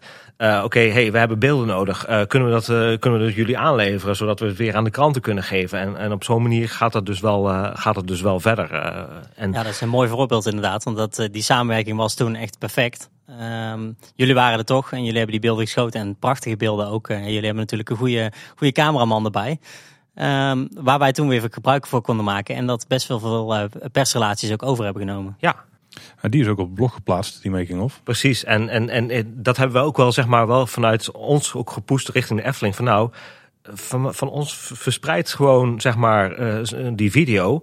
Uh, ook richting trouwens uh, België en Frankrijk en Duitsland. Ja. en we hebben daar ook, zeg maar, een soort van crossposting gemaakt voor in Facebook. Zodat zij dat ook weer konden verder zetten. En ik denk dat dat wel een van de eerste zaken is geweest die om, om zeg maar, te kunnen pushen richting, richting ook voor hun eigen uh, uh, ja, exposure daarin. Ja, misschien is blog dus wel een, een, een, punt en ook alle andere social media kanalen om die, ja, moet ik zeggen, die casual volgers of de, misschien dat het gewoon dan op abonnementhouders moeten houden. Maar ik denk dat er wel veel meer mensen zijn die gewoon misschien één keer per jaar naar de Efteling gaan, misschien twee keer, waarbij een abonnement niet de moeite is, maar die het wel ook met enige interesse volgen. Die, die trek je wel steeds meer naar die ja, fankant toe. Als we kunnen moeilijk definiëren waar de omslagpunt ligt als je ze dat soort content ook gewoon aanbiedt en, en gewoon letterlijk naar ze toe mailt eens per maand, ja, dan ben je misschien die groep fans stiekem zelf aan het uitbreiden. Ja, dat denk ik wel. Dat is ook wel, denk ik, een van de doelen. Ehm, kijk, de blog wordt uh, gemaakt door onze afdeling marketing. Dus ik, uh, alle doelen erachter kan ik niet perfect beschrijven. Ehm, maar ik denk dat het wel inderdaad mensen enthousiasmeert om nog meer interesse te hebben in de Efteling. ik denk dat het voor de fans misschien de blog nog wel ook wel interessant is, maar misschien alleen maar meer wil. Nog meer details daaruit zou willen halen. Um, en ik denk dat een, een abonnementhouder of iemand die de Efteling twee of drie keer per jaar bezoekt, daar wel heel veel meer nieuwsgierigheid van krijgt. Dus wat dat betreft een mooie toevoeging. Wat, wat ik trouwens wel mooi vind daar ook in, weet je, is dat als je dat zeg maar met een tiental jaar geleden kijkt, waar, daar was echt gewoon alles van ja, wij, wij gaan helemaal niks vertellen over Droomvlucht en dat blijft gewoon as is.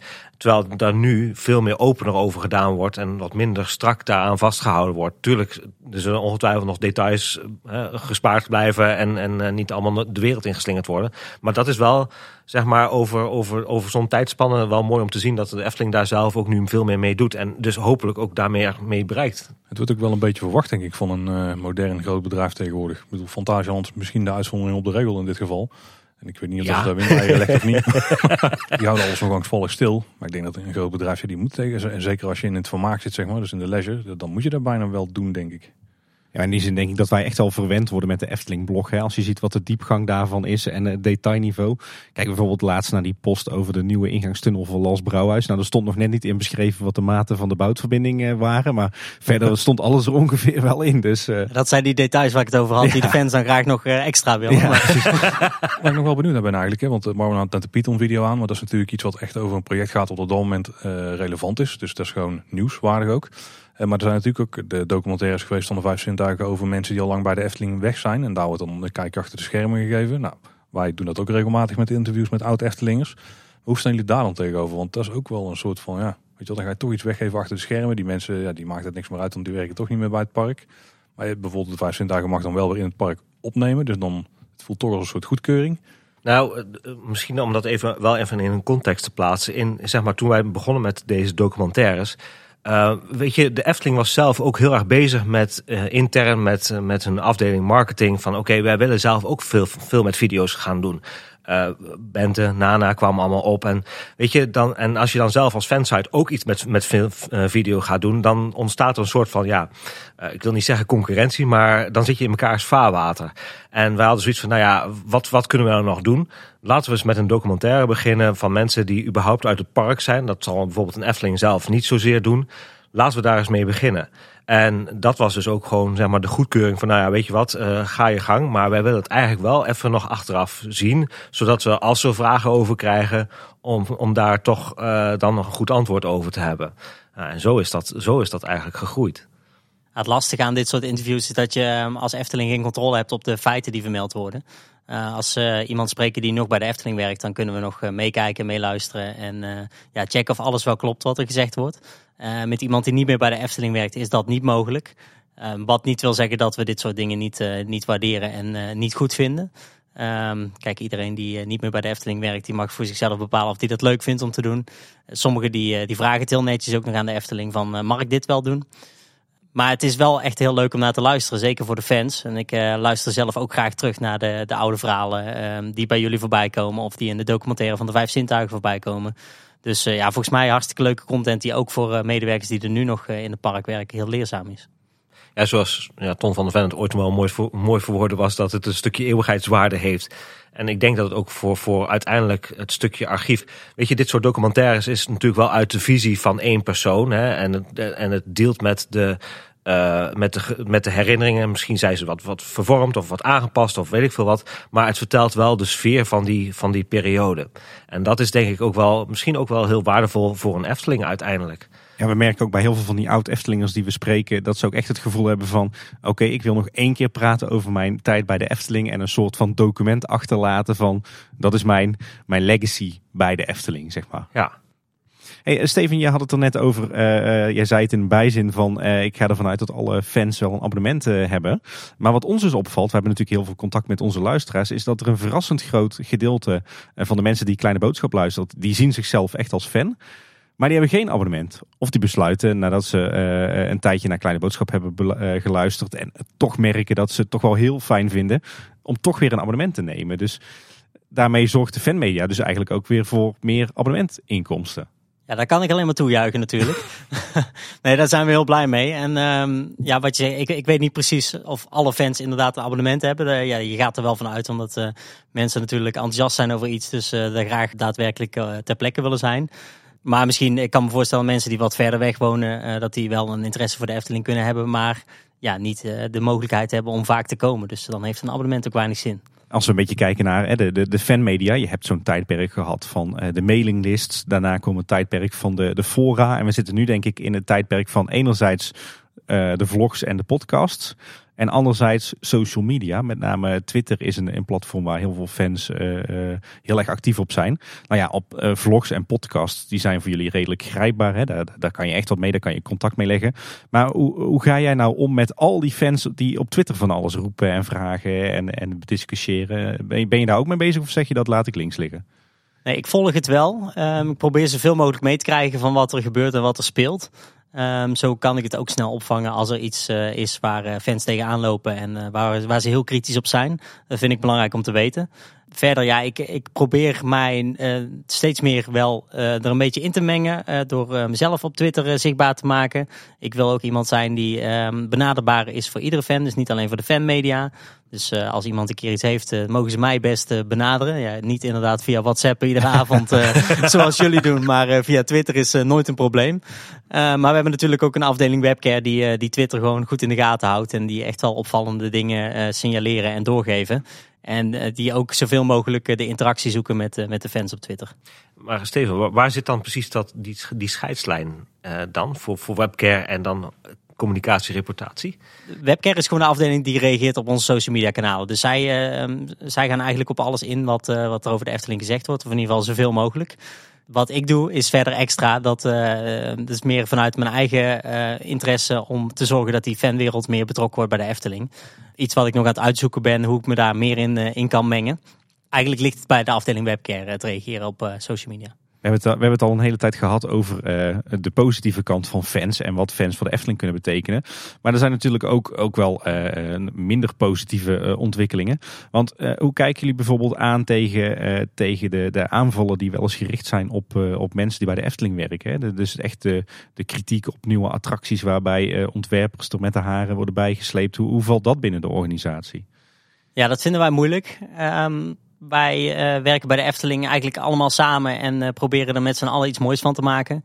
Um, en zodra het gericht wordt op één persoon, uh, ja, vinden wij dat ja, niet leuk uiteraard. Ehm, niet leuk voor die persoon, maar ook niet leuk voor de Efteling. Want het is gewoon een onderdeel van ons. We zijn best wel een, een soort familiebedrijf nog, ondanks dat we niet allemaal familie zijn. Maar het is gewoon de Brabantse gemoedelijkheid hier.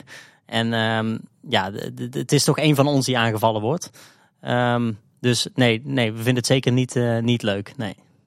En, en doe jij daar dan ook nog wel eens wat mee? Ja, dat is heel lastig. Um, als ik fans spreek, dan uh, probeer ik daar wel iets in, in mee te geven. Maar ja, het is heel lastig om daar echt daadwerkelijk mensen op aan te spreken. Want in principe mag iedereen natuurlijk gewoon roepen wat hij, uh, wat hij wil. Ja, maar goed, je, je merkt dat dan ook wel, uh, en dat is misschien wel even ook interessant om aan te haken. Um, dat dat ook weer wel weer weerslag kan vinden op andere fangroepen. Want ja, weet je, wij identificeren met, dan niet met dat soort kritieken. Maar we hebben er wel weer last van dat ja, de Efteling zeggen: ja, maar goed, hey, uh, easy on, hè, even, even rustig. En dat is wel een, een, een, ook een, een een ding wat ik in die, al die jaren wel heb meegemaakt. Dat ja, weet je, je probeert dan, ja, maar wij, wij zijn niet die groep, zeg maar, of daar te, van distancieren. En gelukkig ziet de Efteling dat ook wel uh, in, in die mate. En dat is dan wel, dat is wel heel fijn, fijn om, om dat zo te zien. Maar ja, je zult maar net iemand hebben zeggen van ja, maar goed, nou is het klaar met de fans. De groeten. Ja, je mag best ook een keer kritisch zijn en ook, ook echt wel eh, een persoon benoemen als eh, die persoon verantwoordelijk is voor een bepaald project. Alleen hou het dan wel netjes. En dat, eh, dat vind ik heel belangrijk. En nou, dat doen jullie als fanmedia doen dat zeker. En ehm, heel veel fans doen dat ook. maar er zijn er gewoon een paar bij die af en toe net iets te ver gaan daarin. En dat, ja, dat, dat raad ik af. Dat vind ik, vind ik wat minder. Ja, en het is natuurlijk ook zo, en dat is misschien bij sommige fans de onwetendheid ook, dat uh, het ontwerp van een attractie en uiteindelijke uitvoering daarvan, dat is niet de, de taak en de verantwoordelijkheid van één persoon, maar van een enorm projectteam. Dus Absoluut. Dat, Wat dat betreft is het ook natuurlijk gewoon onjuist om daar één iemand de schuld van te geven. Ja, we staan overal met z'n allen ook achter, dus uh, het is zeker niet dat het één persoon alles bepaalt. Nee. Hey, iets anders wat, wat misschien een vervelend bijsmaak heeft, zijn uh, hele betrokken entertainment-fans. Als gevolg daarvan eh, verdwijnt er ook nog wel eens een karakter uit het park. Hè. We weten bijvoorbeeld dat OJ Punctueel lang niet zo vaak meer in het park rondloopt. Omdat hij echt eh, lastig werd gevallen door hele schare fans. Oh, dat is een theorie die we hebben. Ja, dat is een theorie. Maar hoe, hoe gaan jullie daarmee om? Uh, nou, dit verhaal is sowieso niet bij mij bekend. Ik weet dat OJ Punctueel heel uh, populair is uh, bij fans. Um, wat denk ik alleen maar leuk is. Um, deze verhalen zijn bij mij niet, niet bekend dat het echt zo is gegaan. Maar ik ben daar misschien ook minder bij betrokken theorie die wij toen hadden is dat oh, je wel zo het geclaimd door fans dat het algemene parkbezoeker die krijgt er vrij weinig van mee. Dus daar zou je kunnen zeggen dat fans misschien een oorzaak zijn van dat niet iedereen die ultieme Efteling ervaring heeft die ze anders misschien wel hadden gehad. Kijk, en het is natuurlijk daar ook een beetje het punt dat fans weten als je met punctueel in gesprek gaat wat voor dingen je al ja, wat je mee gaat maken zeg maar en dat is een hele leuke ervaring. Maar die hou je dus op die manier dus wel weg bij de rest van de bezoekers. Dat is ook wel een interessante ja, balans of misschien daar zitten fans misschien een beetje tegen.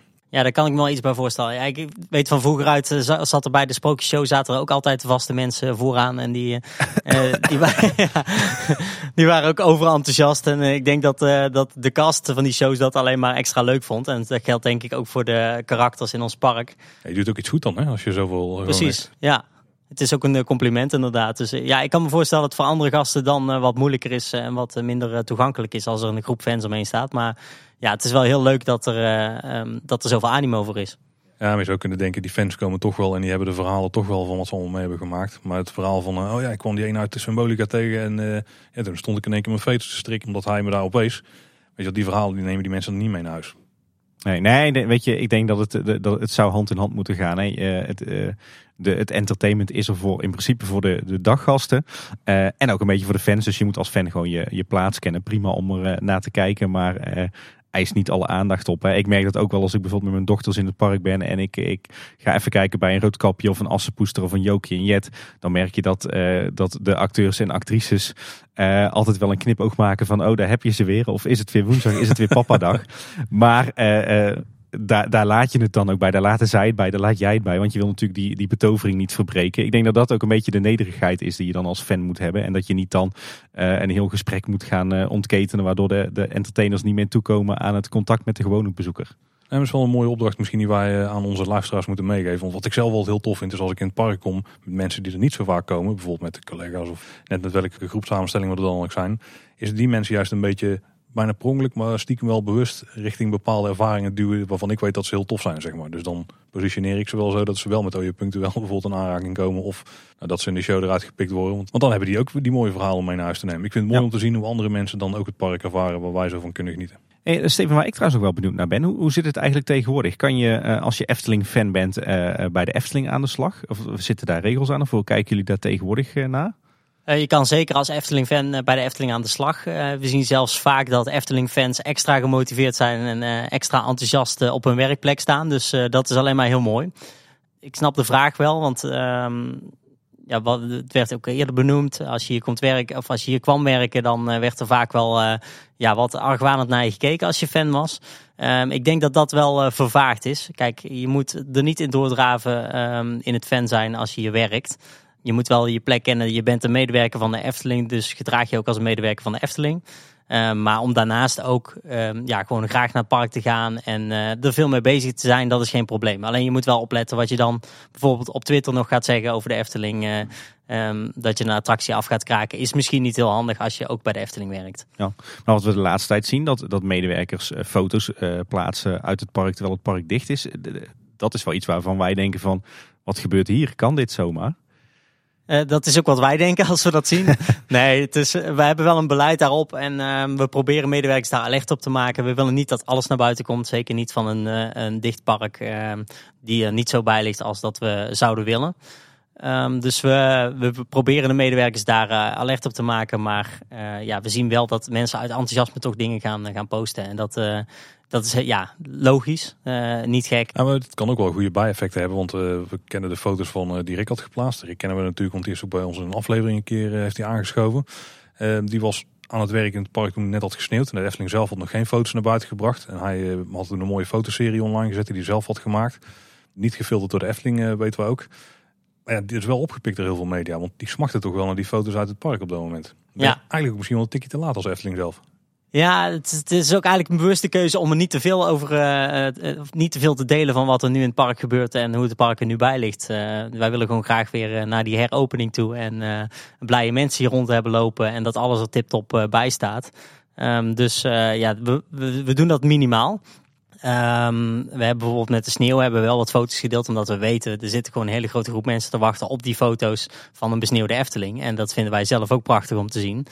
Dus dat hebben we wel gedaan. Maar uh, ja, je, je, houdt het niet tegen dat er toch mensen foto's maken en delen. En uh, ja, misschien of we dan zelf te laat zijn. Ja, ik weet het niet. We, we maken een bewuste keuze om er, om er niet te veel mee te doen.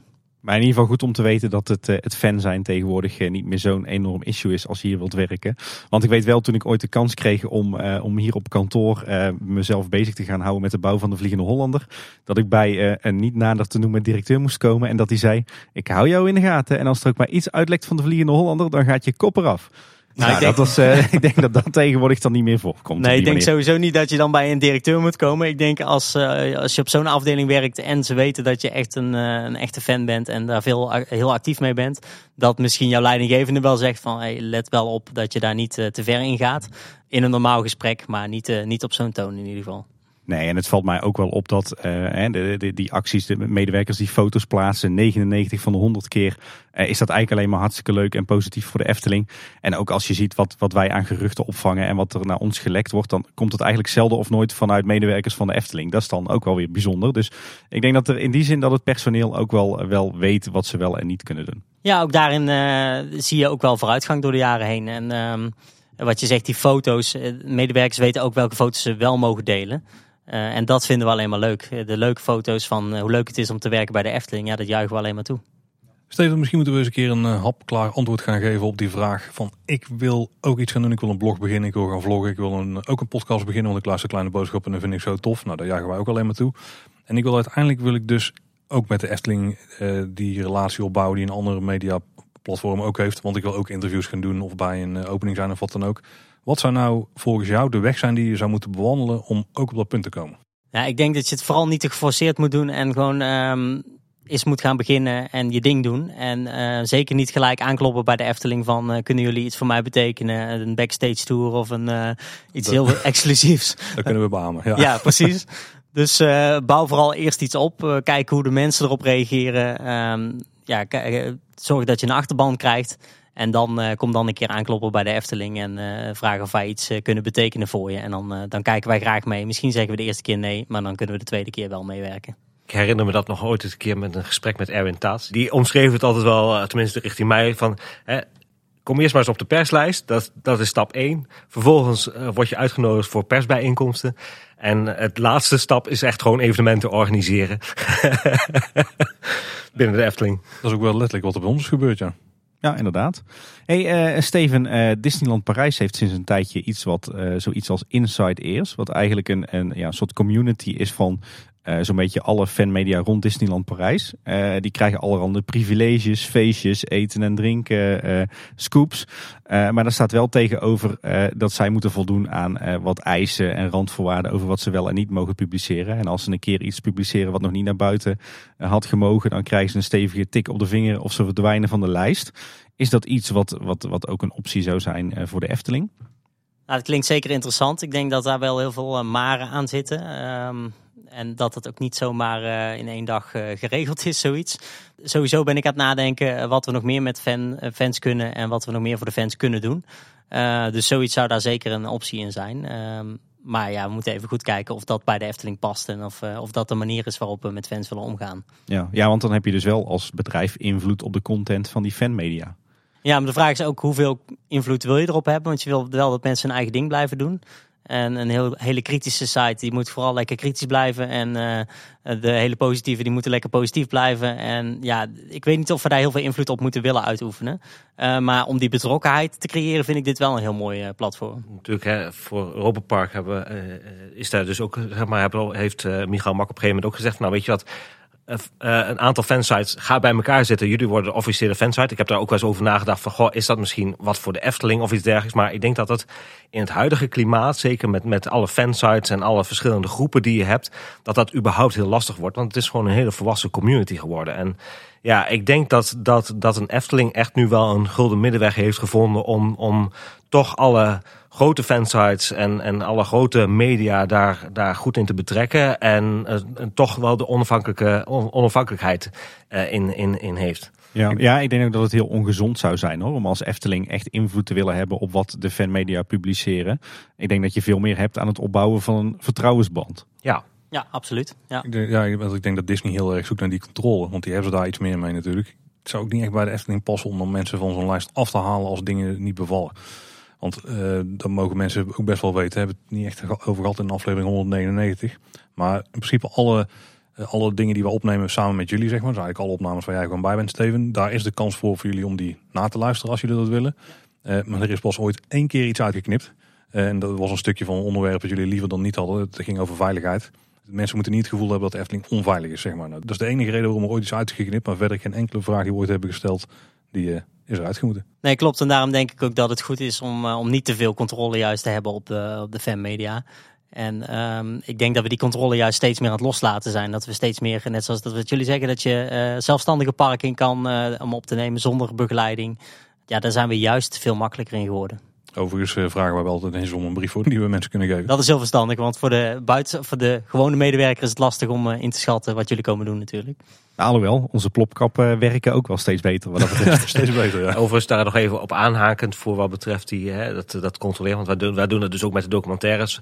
Wij hebben dus ook maar één keer nog gehad dat eh, in, in het geval van de dive coaster, die we toen in de Lex documentaire dus er, eh, aanhaalden, dat uh, Efteling zei van nou ja, weet je, wij waren daar ons niet van bewust. En dat is het enige stuk wat er ooit bij een documentaire is toegevoegd. Nou ja, weet je, dat is dan een, een klein verzoekje wat je dan toe, toe kunt voegen. Maar verder voor de rest uh, is bij ons eigenlijk alles gewoon uh, één op één uh, doorgezet. Ja. ja, ze zeggen ook wel eens met, uh, met vrijheid komt verantwoordelijkheid. Hè? Ja, dus oftewel, als, als wij als fanmedia vrijheid krijgen van de Efteling, dan nemen we ook onze verantwoordelijkheid en stellen we ons ook verantwoordelijk op. Ja, en het is voor ons ook een kwestie van loslaten. Want we zijn gewoon heel. We willen geheimzinnig doen over, uh, over hoe alles werkt, omdat we die beleving intact willen houden. En dat, dat is een lastig ding om los te laten. Dus als je te veel op de details ingaat, dan, uh, dan speel je daar wel mee. Um, maar ik denk dat dat wel iets is waar wij uh, ja, steeds beter mee om kunnen gaan.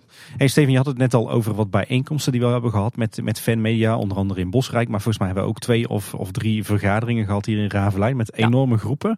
Uh, kan je eens wat meer daarover vertellen? Wat, wat was daar het doel van? Uh, wat is daar uitgekomen? Wat wil je er überhaupt over kwijt? Want er zijn nog wel wat dingen die misschien onder tafel moeten blijven. Nou ja, ik, ik, zal er niet alles over zeggen, maar het is uh, sowieso gewoon een, leuke manier geweest waarop ik uh, iedereen persoonlijk heb uh, leren kennen. een aantal van jullie had ik al een aantal keer gezien, maar sommigen ook nog nooit of, of niet uitgebreid gesproken. En ik wilde gewoon iedereen even aan het woord laten van ja, wat verwacht je nou van de Efteling qua hoe wij omgaan met, met fanmedia, met fans. hebben jullie leuke ideeën voor in de toekomst? Um, nou, er is, uh, dat, dat, ga ik gewoon uh, open zeggen. Er is gesproken over bijvoorbeeld een fandag. Nou ja, dat is helemaal nog niet uh, concreet. Um, dat is gewoon op, op tafel gekomen. en dat is zeker iets waar ik dan naar wil kijken. En waar ik zeker voor open sta. ja, dat alles heeft een beetje stilgelegen. Maar dat, dat, in de toekomst zie ik echt wel mogelijkheden om meer met fans te gaan doen. En of dat nou een fandag is of een fanbijeenkomst. Of iets anders leuks voor de fans. Dat weet ik nog niet. Maar ja, dat waren gewoon hele open gesprekken wat dat betreft. Ja, echt uh, een soort reguliere vergadering tussen de fanmedia en de Efteling, hè? Wat ja, betreft, zeker. Ja. En ook, ook leuk omdat het gewoon totaal verschillende mensen allemaal zijn. Dus uh, ja. je krijgt ook totaal verschillende ideeën en iedereen staat overal anders in. Bijvoorbeeld, het ging ook even over de bloggen de ene fanmedia vindt het fantastisch interessant en de andere zit het enorm in de weg qua uh, nieuws uh, melden. ja, kan me zo voorstellen. Ja, we gaan geen namen noemen. Nee, precies. Maar dat, dat, dat, is wel leuk om te zien dat iedereen daar zo anders in staat. Ja, ja daar kwam ook veel oud naar boven in het eerste overleg, weet ik wel. Uh, maar daar hebben we aan het begin van deze aflevering hebben we het daar al over gehad. En maar dat was wel mooi, want het was inderdaad echt een regulier overleg met ook echt een actiepuntenlijst en terugkoppeling op voorgaande overleggen. Is dat een, een structuur die je na de coronacrisis eh, wel weer wil gaan opbouwen? Ja, ik wil daar zeker mee doorgaan, omdat ik het gewoon uh, ja, hartstikke leuk vond en uh, heel interessant vond. dus die wil ik zeker door gaan zetten. En inderdaad, wat je zegt, ja, na, liefst na de coronacrisis. Want ik heb het liefst iedereen gewoon bij elkaar. Ik vind via Teams, zeker met zo'n grote groep, of via Zoom, wat je ook wil, lastig vergaderen. Er zijn nog een paar concrete dingen die zijn gebeurd, of, of, eigenlijk media-uitingen die er zijn geweest, die we nog even willen aanhalen. Dus we hebben natuurlijk de documentaires van de Vijf Zintuigen. Die zijn op dit moment ook weer bezig met de Fata Morgana documentaire. Ik kan me voorstellen dat daar uh, ook weer archiefbeelden voor zijn opgevraagd en zo. Maar hoe gaan jullie daar dan mee om en hoe staan jullie daar tegenover? Ja, dat is ook weer best wel een lastige interne uh, strijd geweest. Uh, Marvin lacht al. Wij zijn heel blij met dat soort dingen. Alleen merk je wel dat er gewoon um, vanuit bepaalde afdelingen daar wel vragen over komen. Um, er zijn afdelingen die heel erg die magie willen bewaren. Dus die bang zijn dat er iets ja, iets uitkomt uh, wat, uh, wat iets weggeeft van de techniek bijvoorbeeld. Wat ook al in het verleden natuurlijk uh, een aantal keer wel is gebeurd. En mensen weten echt wel hoe het ongeveer in zijn werk gaat. maar die vinden dat toch spannend. Er zijn wat archiefbeelden opgevraagd waar we ook niet altijd heel erg enthousiast op reageren. Omdat we dat eventueel ook voor onszelf willen houden en ooit misschien nog iets mee willen gaan doen. Ja, denk aan de YouTube-serie De Magische Klok van de Efteling zelf. ja, natuurlijk. precies, dat soort dingen. Ja. Um, dus ook dat is weer een, uh, ja, een leuk spel tussen ons en de vijf zintuigen om daar uh, samen uit te komen. En, maar goed, uh, dingen, we hebben dus ook twee interviews inderdaad wel weer georganiseerd. Ja. Dus, en, en daar helpt Steven dan ook weer gewoon bij om dat toch binnen de organisatie te dragen. Ja, en dat, dat, dat soort dingen, dus, ja, de, wij vinden dat hartstikke leuk om, om te doen. En uh, ondanks dat het niet altijd even makkelijk is, uh, dan komen ze weer met een ontwerptekening uh, waar ze toestemming voor willen om te gebruiken. Dan gaan er bij ons toch weer alarmbellen rinkelen van, ja, wat moeten we daar nou mee? Ehm, maar uiteindelijk komen we er wel uit en dan kunnen we denk ik ze helpen om een mooi product te maken. Het doel blijft altijd dat de Vijf Zintuigen een mooie documentaire kan maken. Absoluut. Jullie. Ja, ja, ja. Ja, of ze moeten echt een keer met een onderwerp komen waar we absoluut geen aandacht aan willen besteden. Maar tot op heden nog nooit gebeurd. Maar goed, weet je, omdat je nu al zo lang ook met de Efteling samenwerkt, weet je wel waar ongeveer de grenzen liggen. En natuurlijk, weet je, ook, ook dit illustreert zo wel, weet je, dat we, dat we ook niet altijd alles geregeld krijgen. Ook al werken we ja, bijna 15 jaar met elkaar samen. Uh, en ik denk dat dat ook gewoon goed is, weet je. uiteindelijk staat de Efteling ook voor bepaalde normen en waarden binnen hier. Dus dan is het voor de fans soms ook wel eens gewoon creatief om om dan wel een andere oplossing te zoeken. Zo simpel werkt het. Ja, en het is denk ik wel zo dat uh, zo'n beetje iedereen die bij de Efteling werkt, die documentaire straks waarschijnlijk ook gewoon gaat kijken, puur uit interesse. Dat denk ik wel, ja. Ik heb al een klein stukje mogen zien en het is uh, super interessant. Ja. Volgens mij is FTpedia ook zoiets. Hè? Ik denk als, als, als hier uh, ergens aan wordt gewerkt aan een project en men moet wat achtergrondinformatie hebben, dan denk ik dat men sneller naar FTpedia gaat dan dat men de archieven induikt. Nou ja, het is gewoon een gigantisch mooi overzicht van alle informatie over de Efteling. Dus en je kan er heel makkelijk dingen terugvinden. En zoiets hebben wij zelf uh, ja, niet ja, intern uh, wel, maar uh, iets waar je makkelijk bij kan, dan, ja, dan FTpedia is dan wel echt een, een uitkomst. Ja. ja, en een andere mooie samenwerking tussen de vijf zintuigen, daar, hebben we het weer, en Efteling, zijn natuurlijk de pubquizzes. Ja, ja dat was ook zoiets uh, wat, uh, wat een, ja, zeg maar rond, rond 2015 als ideetje inderdaad begon. En dat hebben we inderdaad bij de Efteling neergelegd van ja, dit willen we wel. Nou goed, en dat, is, dat heeft een paar jaar geduurd. En vervolgens is, daar, uh, is, de, is, is ja, communicatie daar zeker mee gaan lopen. En zo van hé, hey, dit willen we organiseren voor de fans. Ja, en zo, zodoende is dat eigenlijk gaan rollen. Ja, en die fanbijeenkomsten waar we het net over hadden, ehm, als dat vanuit een uh, fan uh, media uh, site georganiseerd wordt, dan is dat voor ons alleen maar hartstikke mooi. En ja, we hoeven daar zelf ook niet veel, veel tijd in te steken om dat voor elkaar te krijgen. Dus die jongens van de Vijf Zintuigen, die, die organiseren eigenlijk heel de quiz en wij hoeven eigenlijk alleen maar de locatie nog te regelen. En deel te nemen. En deel te nemen, ja. We hebben dit jaar voor het eerst eigenlijk een Efteling team, of uh, vorig jaar voor het eerst een Efteling team uh, afgevaardigd. Wat heel leuk was. met Koen Bertens, een bekend gezicht natuurlijk voor, voor de fans. Ja, helaas niet meer bij de Efteling werkzaam nu. Je kunt hem inhuren, ook voor de volgende quiz. Doet hij ja. een uurtje factuurtje. Sterker nog, hij heeft, uh, op zijn laatste dag heeft hij tegen mij gezegd van... ik mag toch nog wel meedoen aan die uh, pubquiz. Dus uh, nou, ja, hoor. ja dat, dat, heb ik hem ook al toegezegd. Dus die zal er volgend jaar waarschijnlijk weer bij zijn. Wel aan een andere tafel dan, denk ik, hè? Ja, daar, daar ga ik nog wel even over nadenken. Ja, misschien een ex-Efteling tafel. Ja, in Jeroen Verrijen en jullie geheime wapen Gerry van Dongen deden toen mee. Ja, zeker. Ja, nou, dat is natuurlijk een wandelende encyclopedie wat dat betreft. De, de lopende Eftepedia. Dan beginnen bij mij wel weer ja, toch wel even te zweten. Want ja, dan, uh, dan moet je elke vraag uh, zeg maar goed ingestoken hebben. Want anders dan... Uh, en er was, er was zelfs discussie over een van, een van de ja. vragen. Uiteindelijk bleken wij geen gelijk te hebben, toch? Ja. ja nee. ja, het, het, was voor ons ehm, wel een, een, een, uitdaging natuurlijk. Want we wilden wel hoog eindigen. En uiteindelijk zijn we volgens mij in de top 5 net geëindigd. Ik weet het niet precies meer. Ik, ik wil geval... het hier niet over hebben, Steven. het was wel een klein doel om nog boven loopings uit te komen. En dat is ons volgens mij net niet gelukt. Dus, uh... Je hebt een sterk team. Ja, die hadden een heel sterk team. En dan een recente toffe ontwikkeling. Uh, Danny heeft natuurlijk het kanaal Team Park Science opgezet op YouTube. Of eigenlijk zijn eigen kanaal daar naartoe omgetoverd. En die kregen in één keer de kans om een hele toffe ja, mini-docu te schieten bij de pagode. Ja, ja dat uh, heel, heel leuke insteek van het kanaal. Iets, iets totaal nieuws, denk ik. Uh, ik had het tenminste nog nergens anders uh, die insteek gezien. Um, Danny kwam naar, naar mij toe met de vraag van kunnen we ook iets in de Efteling doen? Nou ja, dan gaan ook weer bij mij de alarmbellen van oh jee, dan moeten we iets prijsgeven van de techniek ergens. maar toen dacht ik zelf eigenlijk al vrij snel aan de pagode. ook omdat ik daar zelf gewerkt heb. En ja, ik denk dat het, uh, de techniek van de pagode niet heel veel verpest aan de beleving van de pagode. Daarom hebben we voor die attractie gekozen. En uh, ja, is dat volgens mij een heel tof filmpje geworden. En hoe werkt die samenwerking daar? Hadden we daar redelijk vrije hand? Of hadden jullie zagen van dit, zijn echt dingen die je echt moet gaan bekijken? Want ja, je, hebt, je zegt al, ik heb er gewerkt. Dus ik kan me voorstellen dat het controlerondje wat er in de ochtend wordt gedaan, dat jij er ook regelmatig of hebt gedaan of hebt meegelopen. Ja, klopt. Ja, ik ken alle plekken inderdaad bij de pagode. En um, er waren wat dingen waarvan ik zei van, nou, dit zou echt tof zijn als jullie dit vast uh, um, zouden leggen. Maar dat hebben ze zelf ook, uh, hadden ze zelf ook al min of meer bedacht. En er is eigenlijk niks waarvan ik heb gezegd van, nou, ik heb liever niet dat jullie dit vastleggen. Uh, tenzij dat er ergens in een hoekje wat rommel lag of zo, heb ik gezegd van, uh, film dit maar niet. Maar ze hadden daar eigenlijk redelijk veel vrijheid. Dat vind ik trouwens wel nogal interessant. Want jij en jouw collega's bij communicatie nemen best wel vaak beslissingen die, die toch wel gevolgen hebben. Van brengen we dit wel of niet naar buiten? Werken we hier wel of niet aan mee?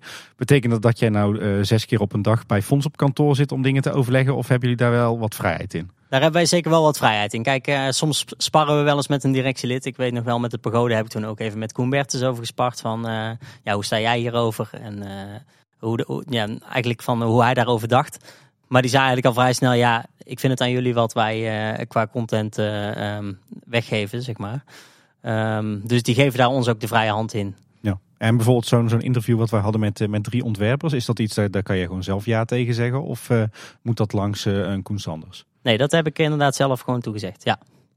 Wat trouwens denk ik ook wel goed is om te weten is dat, ja goed, uh, jouw leidinggevende Femke van Est, die hebben we natuurlijk ook heel vaak aan de tafel gehad. En dus die kent ook wel fanmedia en zal dus geldt ook voor Koen. Dus weet je, inmiddels begint dat denk ik ook wel langzaam door de organisatie heen te zijpelen wat fans leuk vinden en, en, en, en willen, denk ik. Ja, absoluut. En Fons ook, uh, onze algemeen directeur natuurlijk, die, die staat er ook heel positief tegenover. Dus die geeft ons daar zeker de vrije hand in. Ja, en het is ook zo dat hè, als je kijkt naar de, de openingen van, uh, van attracties de afgelopen jaren, naar premières van musicals, uh, van Aquanura, openingen van horecapunten. er wordt eigenlijk altijd wel de laatste tijd fanmedia uitgenodigd. De ene keer een kleine groep, de andere keer een grote groep. Is dat ook iets wat nu standaard bij jullie in het pakket zit? Als we weer iets openen, dan krijgt het personeel een preview en de abonnementhouders en de pers en de fanmedia? Of? Ja, vaak koppelen we die samen, dus pers en fanmedia in één. Ehm, en dat is een standaard ding geworden. Eh, vaak wordt er dan aan mij gevraagd van, eh, nou ja, de, welke fanmedia zou je daarbij eh, willen uitnodigen? En dan zeg jij, je moet het kort of lang, want anders laat ik kleine boodschap. Nou, ik bewaar jullie altijd voor het laatst, dat weet je. Dus dan is er tijd over. Nee, maar ik krijg vaak, soms krijg ik een aantal van, we hebben ruimte voor, voor zoveel fanmedia. Zeker in deze, deze tijd dat, dat- dat er afstand bewaard moet worden en niet te veel mensen tegelijk kunnen komen. Eh, maar over het algemeen eh, nodig ik het liefst al mijn vaste fanmedia contacten uit. Omdat het ook een moment is waarop ik iedereen zie. eh, wat hartstikke leuk is. Maar ook gewoon omdat ik jullie de kans wil geven om daar iets mee te doen. Ja, Max Morris was wat dat betreft wel een van de meest bijzondere openingen. Want toen zaten we inderdaad met alle coronamaatregelen. En dat was eh, qua afstand houden en qua hoeveelheid mensen die er waren. Want volgens mij hebben we, er zijn twee events geweest. Er was één kijkje op de bouwplaats. Volgens mij waren er heel lang om gezeurd. Ik weet niet of dat wij een beetje de origine daarvan waren. Maar Vast wel. mooi, die steken we in ons broekzak. Maar, dus dat was heel tof. Daar waren vrij veel mensen bij. Maar toen kwam de echte opening. Toen was het zelfs zo dat er ook reisrestricties waren vanuit België. Dus bepaalde mensen, Erwin, die mocht bijvoorbeeld niet, of die kon niet komen. Dat was wel bijzonder. Ja. Ook weinig interviewmogelijkheden naar de rand. Want normaal gesproken staan er ook altijd een paar mensen ja, ter beschikking die je kunt interviewen. Ja, volgens mij hebben we het bij Max en Moritz zelfs gescheiden met eh, de reguliere pers. Ja, klopt. Ehm, dus dat, dan had ik echt. Eigenlijk was er geen ruimte om eh fanmedia uit te nodigen, of maar één of twee kanalen. Ehm, volgens mij was dat het, één of twee kanalen. En dat vond ik eh, jammer. Ehm, want ik was toch benieuwd hoe jullie erover dachten. En eh, wilde jullie ook de kans geven om daarbij te zijn. En met jullie bedoel ik alle fanmedia.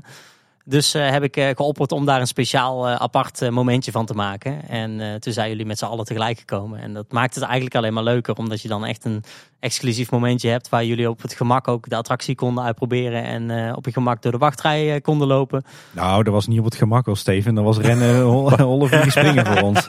Voor jullie wel, ja. Ja, de contrast is duidelijk. Hè. Ik weet nog dat wij eh, verslag mochten doen van de opening van Fabula. Toen zijn we volgens mij van eh, 10 uur s ochtends tot 4 uur s middags bezig geweest, Paul, met het verslag doen.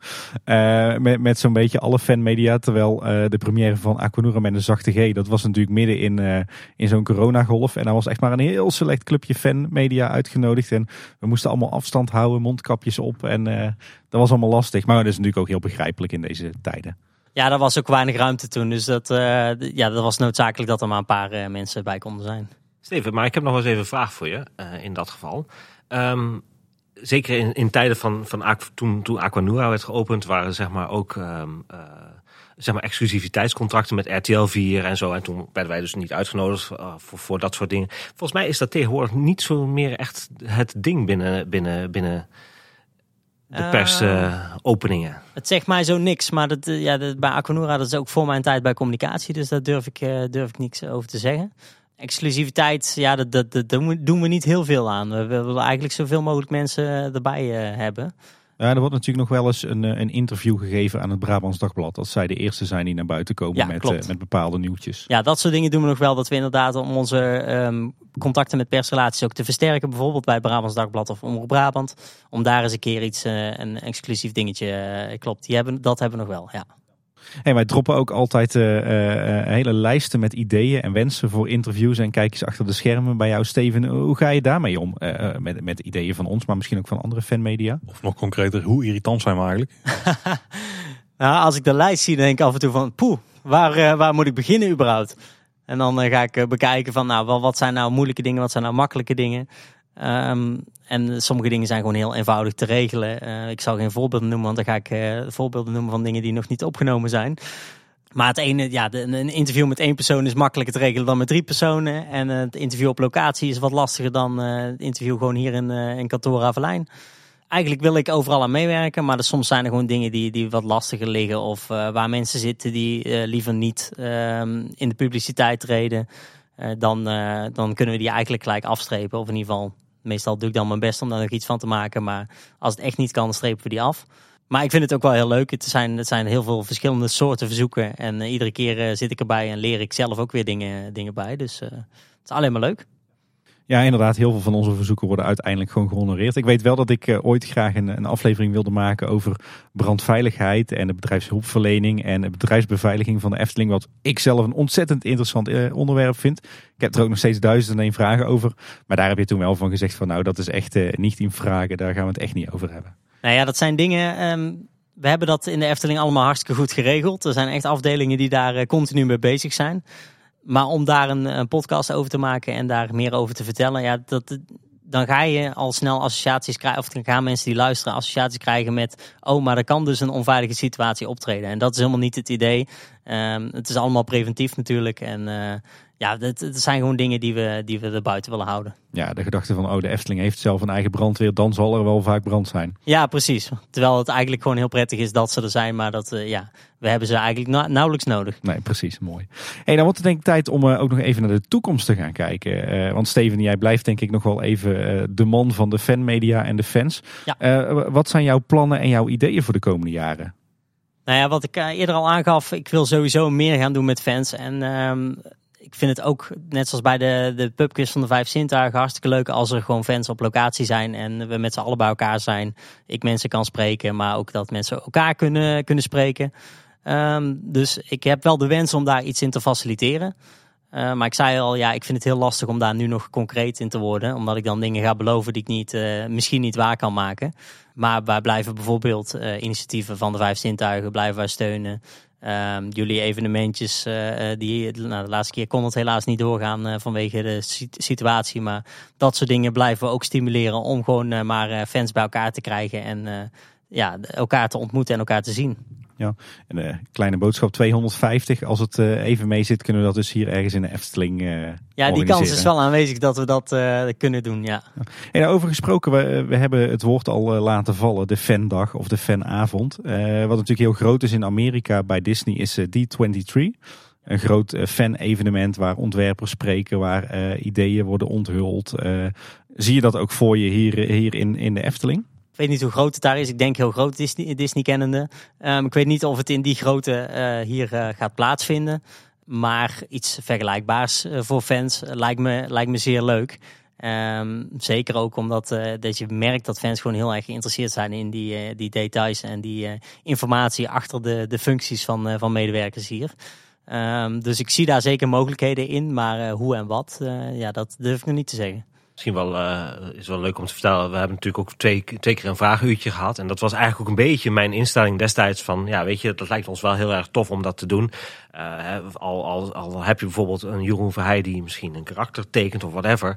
Daar kun je heel veel toffe dingen mee doen. Maar goed, destijds was het zeg maar het klimaat van, nou weet je, we hebben Fons en we hebben Koen en die laten we de vragen beantwoorden. Maar ik denk dat tegenwoordig, als ik het nou zou moeten inschatten en ook voor de toekomst, dat, dat, dat daar veel meer uit te halen gaat vallen, denk ik. Ja, zo'n vragenuurtje vind ik ook lastig. Um, het ene kant is het heel leuk, maar aan de andere kant merk je dat wij dingen gaan voorbereiden en uh, controle willen hebben over wat, uh, wat de vragen zijn en wat, wat er beantwoord wordt.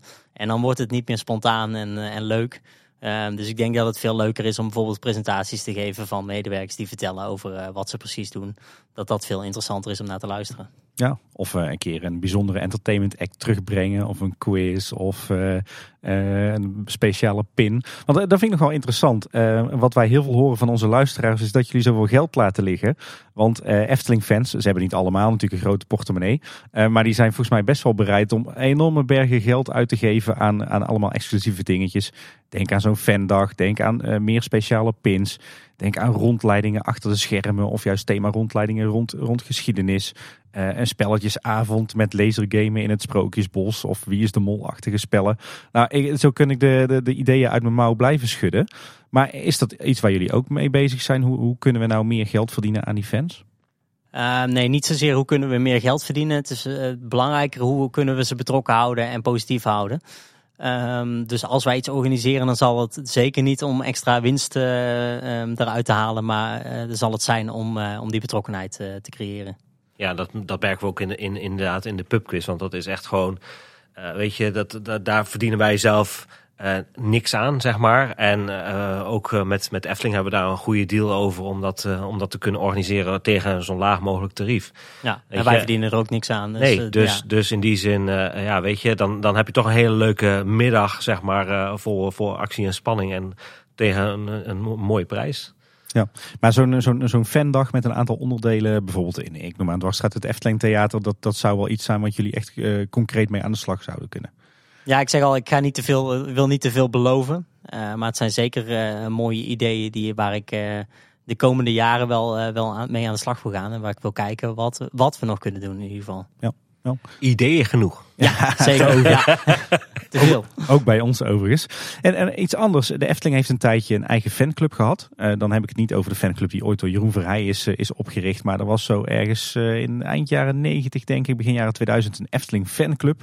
Daar kon je lid van worden. Dan kreeg je iedere maand een boekje. En die moest je dan in een mapje eh, plakken. En dan had je de magische toverbuidel of zo. Eh, hij ligt bij mij ook in twee of drie fout op zolder. Eh, is dat nog iets wat jullie eh, zouden zien zitten? Een eigen fanclub beginnen? Nee, ik denk dat het juist heel mooi is dat die fanclubs zo ontstaan. En eh, ieder zijn eigen eh, format heeft om daar mee om te gaan. Maar ik denk niet dat we dat vanuit de Efteling nog moeten organiseren. En, en waar we het ook wel eens over hebben gehad, eh, eh, fans zijn eh, vaak kritisch. Jij vertelde net ook, er wordt ook echt naar, naar geluisterd door mensen hier op Ravelijn.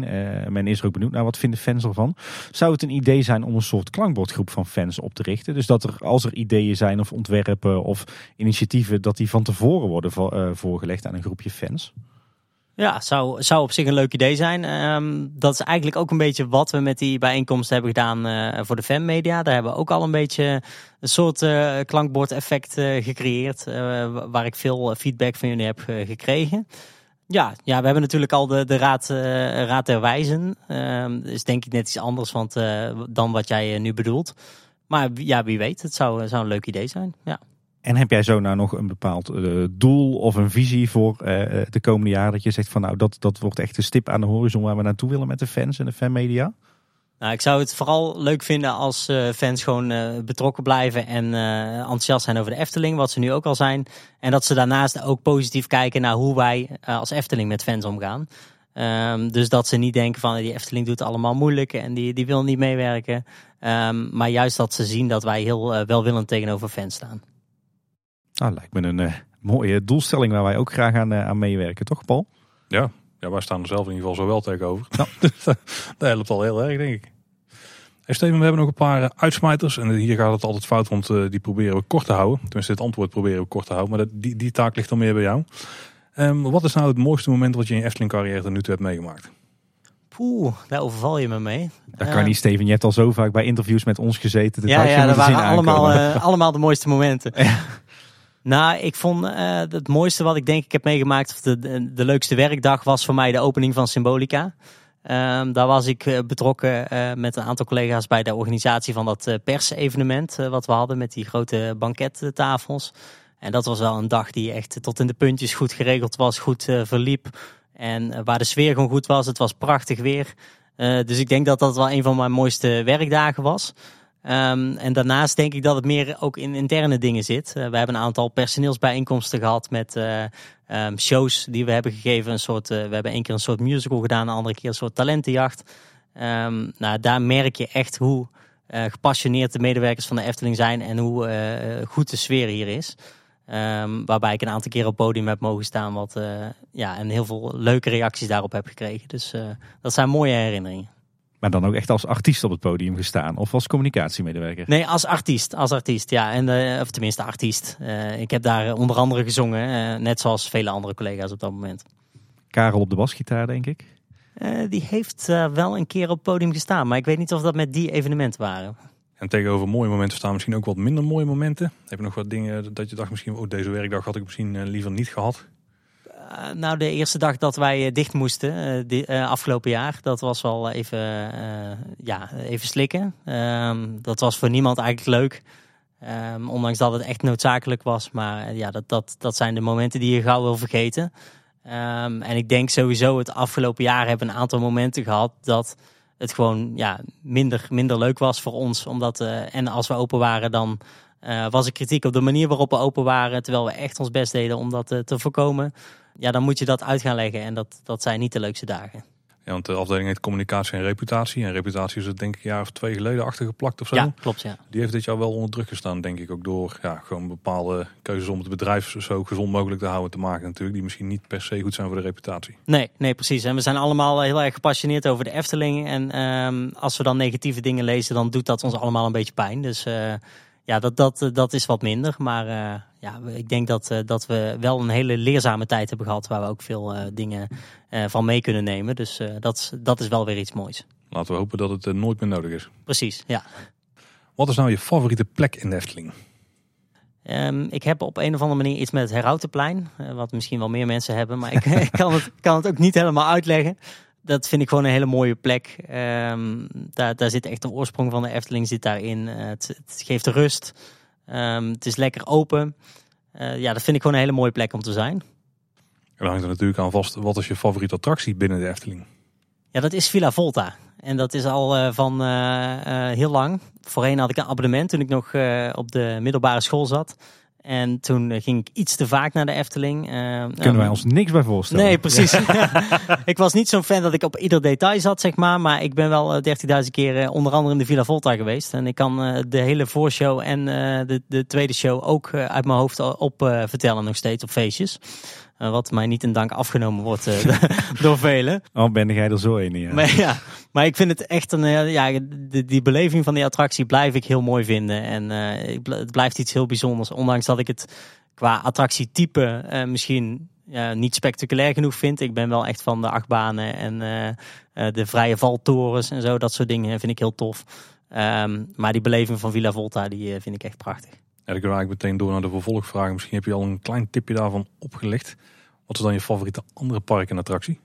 Ja, ik vind het lastig. Ik ben buiten Europa nog nooit in een ander park geweest. Dus ik eh, ben niet in de Disney parken in, eh, in Florida geweest. Of in Orlando geweest. Ik eh, heb zelf een abonnement op Disney. En dat komt eigenlijk door mijn vriendin die dat al, eh, al jaren had. Die mij daar jouw beetje... verloofde, Steven. Mijn verloofde, sorry. Ja, mijn verloofde sinds kort. En daar ben ik eigenlijk een beetje meegetrokken. Eigenlijk eh, van oorsprong als Eftelinger had ik altijd zoiets van ah, Disney, dat, eh, dat vind ik toch niks. En eh, dat mooie authentieke van de Efteling, dat, dat heb je daar niet. Maar ik ben toch wel een beetje van Disney gaan houden. En ehm, ik kom er graag. Het is gewoon een leuk, leuk uitje. Ieder, ja, ieder jaar wil ik zeggen, maar het is nou drie, vier keer per jaar. Dus daar kom ik graag. En ik eh, kom heel graag in Europa Park. Ik vind dat echt een heel mooi park. Met hele eh, leuke attracties. Eh, vooral de achtbanen daar vind, ik, vind ik prachtig. Ja, Marvin die zal blij zijn dat ik dit... eh, ja, die begint te Dus glunderen. niet afgesproken. Nee, het is niet afgesproken. Je zit En- goedkeurend ja te knikken. En qua attractie, ehm, ja, dat zit dan toch in een van die twee parken. En ehm, dat eh, wordt eh, de Tower of Terror. Dat vind ik echt wel, eh, wel heel tof. Qua, ook qua beleving, maar ook, ook qua attractietype. Die vrije val, daar hou ik gewoon van. Dus nee, dat is super. Je moet echt heel, heel snel naar Orlando toe. Ja, ja, dat, eh, dat roep ik al jaren, maar het komt er maar niet van. Maar eh, wie weet. Maar ik hoor wel dat het bij jullie, bij Huizen van Gils aan de keukentafel ook vaak wel over pretparken gaat. Ja, min of meer wel. Ehm, nou ja, mijn vriendin is meer van de Disney ehm, beleving, zeg maar, van de, van de films. Dus die, eh, die, die heeft ook Disney Plus en die kijkt heel graag de films eh, 10.000 keer. Dat heb ik zelf iets minder. En ik eh, ben dan wat gepassioneerder over de Efteling. Wat zij, eh, ja, ze gaat heel graag naar de Efteling, maar waar ze minder eh, over te vertellen heeft. Hey, voordat we afronden, want dan draai ik hem even om. Heb jij eigenlijk nog een advies voor ons als kleine boodschap? Ehm, zoals Barry Stevens vroeger zei, vooral doorgaan. Dat, is, dat is denk ik het belangrijkste. Jullie zijn goed bezig. En ja, vooral de samenwerking tussen ons gaat volgens mij perfect. Ik denk dat jullie hele leuke content maken die nog niet gemaakt wordt. Dus eh, ga daar vooral mee door. En ehm, ja, echt, echt tips heb ik niet. Het, eh, ik vind het leuk zoals het nu is. Kijk, mooi, daar kunnen we, kunnen we wat mee. Daar kunnen we heel makkelijk wel mee zelfs. ja. Hey, volgens mij eh, zijn we er dan wel, eh, Paul. We hebben het gehad over eh, het verleden, het heden en de toekomst van eh, de verstandhouding tussen de Efteling en haar fans en de fanmedia. En dan rest ons denk ik niks anders dan eh, de twee heren hier aan tafel te bedanken. Marvin van der Hoeven van de Vijf Zintuigen en Steven van Gils van de Efteling. Bedankt eh, voor jullie bijdrage. ja, graag gedaan. Ja, graag gedaan. En Marvin, jou kunnen ze op heel veel plekken volgen. Eh, kun je een paar kanalen noemen waar je goed te volgen bent? Ja, zeker. Eh, dat is sowieso Vijf Zintuigen, vijfzintuigen.nl. En natuurlijk, eh, als je nog meer mijn stem wil horen, dan is het natuurlijk Afterpark Lounge. En dat kan via de, de, de verschillende handles eh, op Facebook, Twitter en Instagram. Afterpark Lounge. Ja, dat klopt. en Steven, eh, bij jou, waar kunnen mensen jou volgen? Nou, ik zou zeggen, als je een keer iets kwijt wil of zo, dan eh, doe dat vooral via Twitter. Eh, daar ben ik eh, vrij benaderbaar. Eh, en daarnaast moet je gewoon natuurlijk overal de Efteling volgen. Maar ik denk dat iedere luisteraar dat wel eh, doet onderhand. Dus, Ja. ja. En volgens mij ben je op Twitter gewoon Steven van Gils. ja, klopt. Ja, lekker makkelijk. Lekker makkelijk. Ja. En wil je iets aan ons kwijt, wil je ons volgen? Dat kan ook op Twitter. Daar zijn we Edka Boodschap. En op Facebook en Instagram zijn we Kleine Boodschap. We hebben natuurlijk een website, kleineboodschap.com, met een contactformulier. Vind je ook alle afleveringen met show notes. Zet ook even de linkjes naar de kanaal van beide heren op. En je kunt ze ook gewoon mailen. Kan via info.kleineboodschap.com. Ja, en verder luister je ons of via de website, via Spotify of via een van de podcast apps. En zorg er natuurlijk ook voor dat je je daar abonneert op ons. En luister je ons in Apple Podcasts, eh, laat dan zeker ook even een rating of een review achter. Dat eh, vinden we altijd hartstikke leuk. Dat was het nog voor deze week. Bedankt voor het luisteren. Tot de volgende keer. En houdoe. Houdoe war. Houdoe. Houdoe. Hey, eh, Steven, maar moeten we nou ook nog stukjes uitknippen of was hij goed zo? Ik denk dat hij goed was.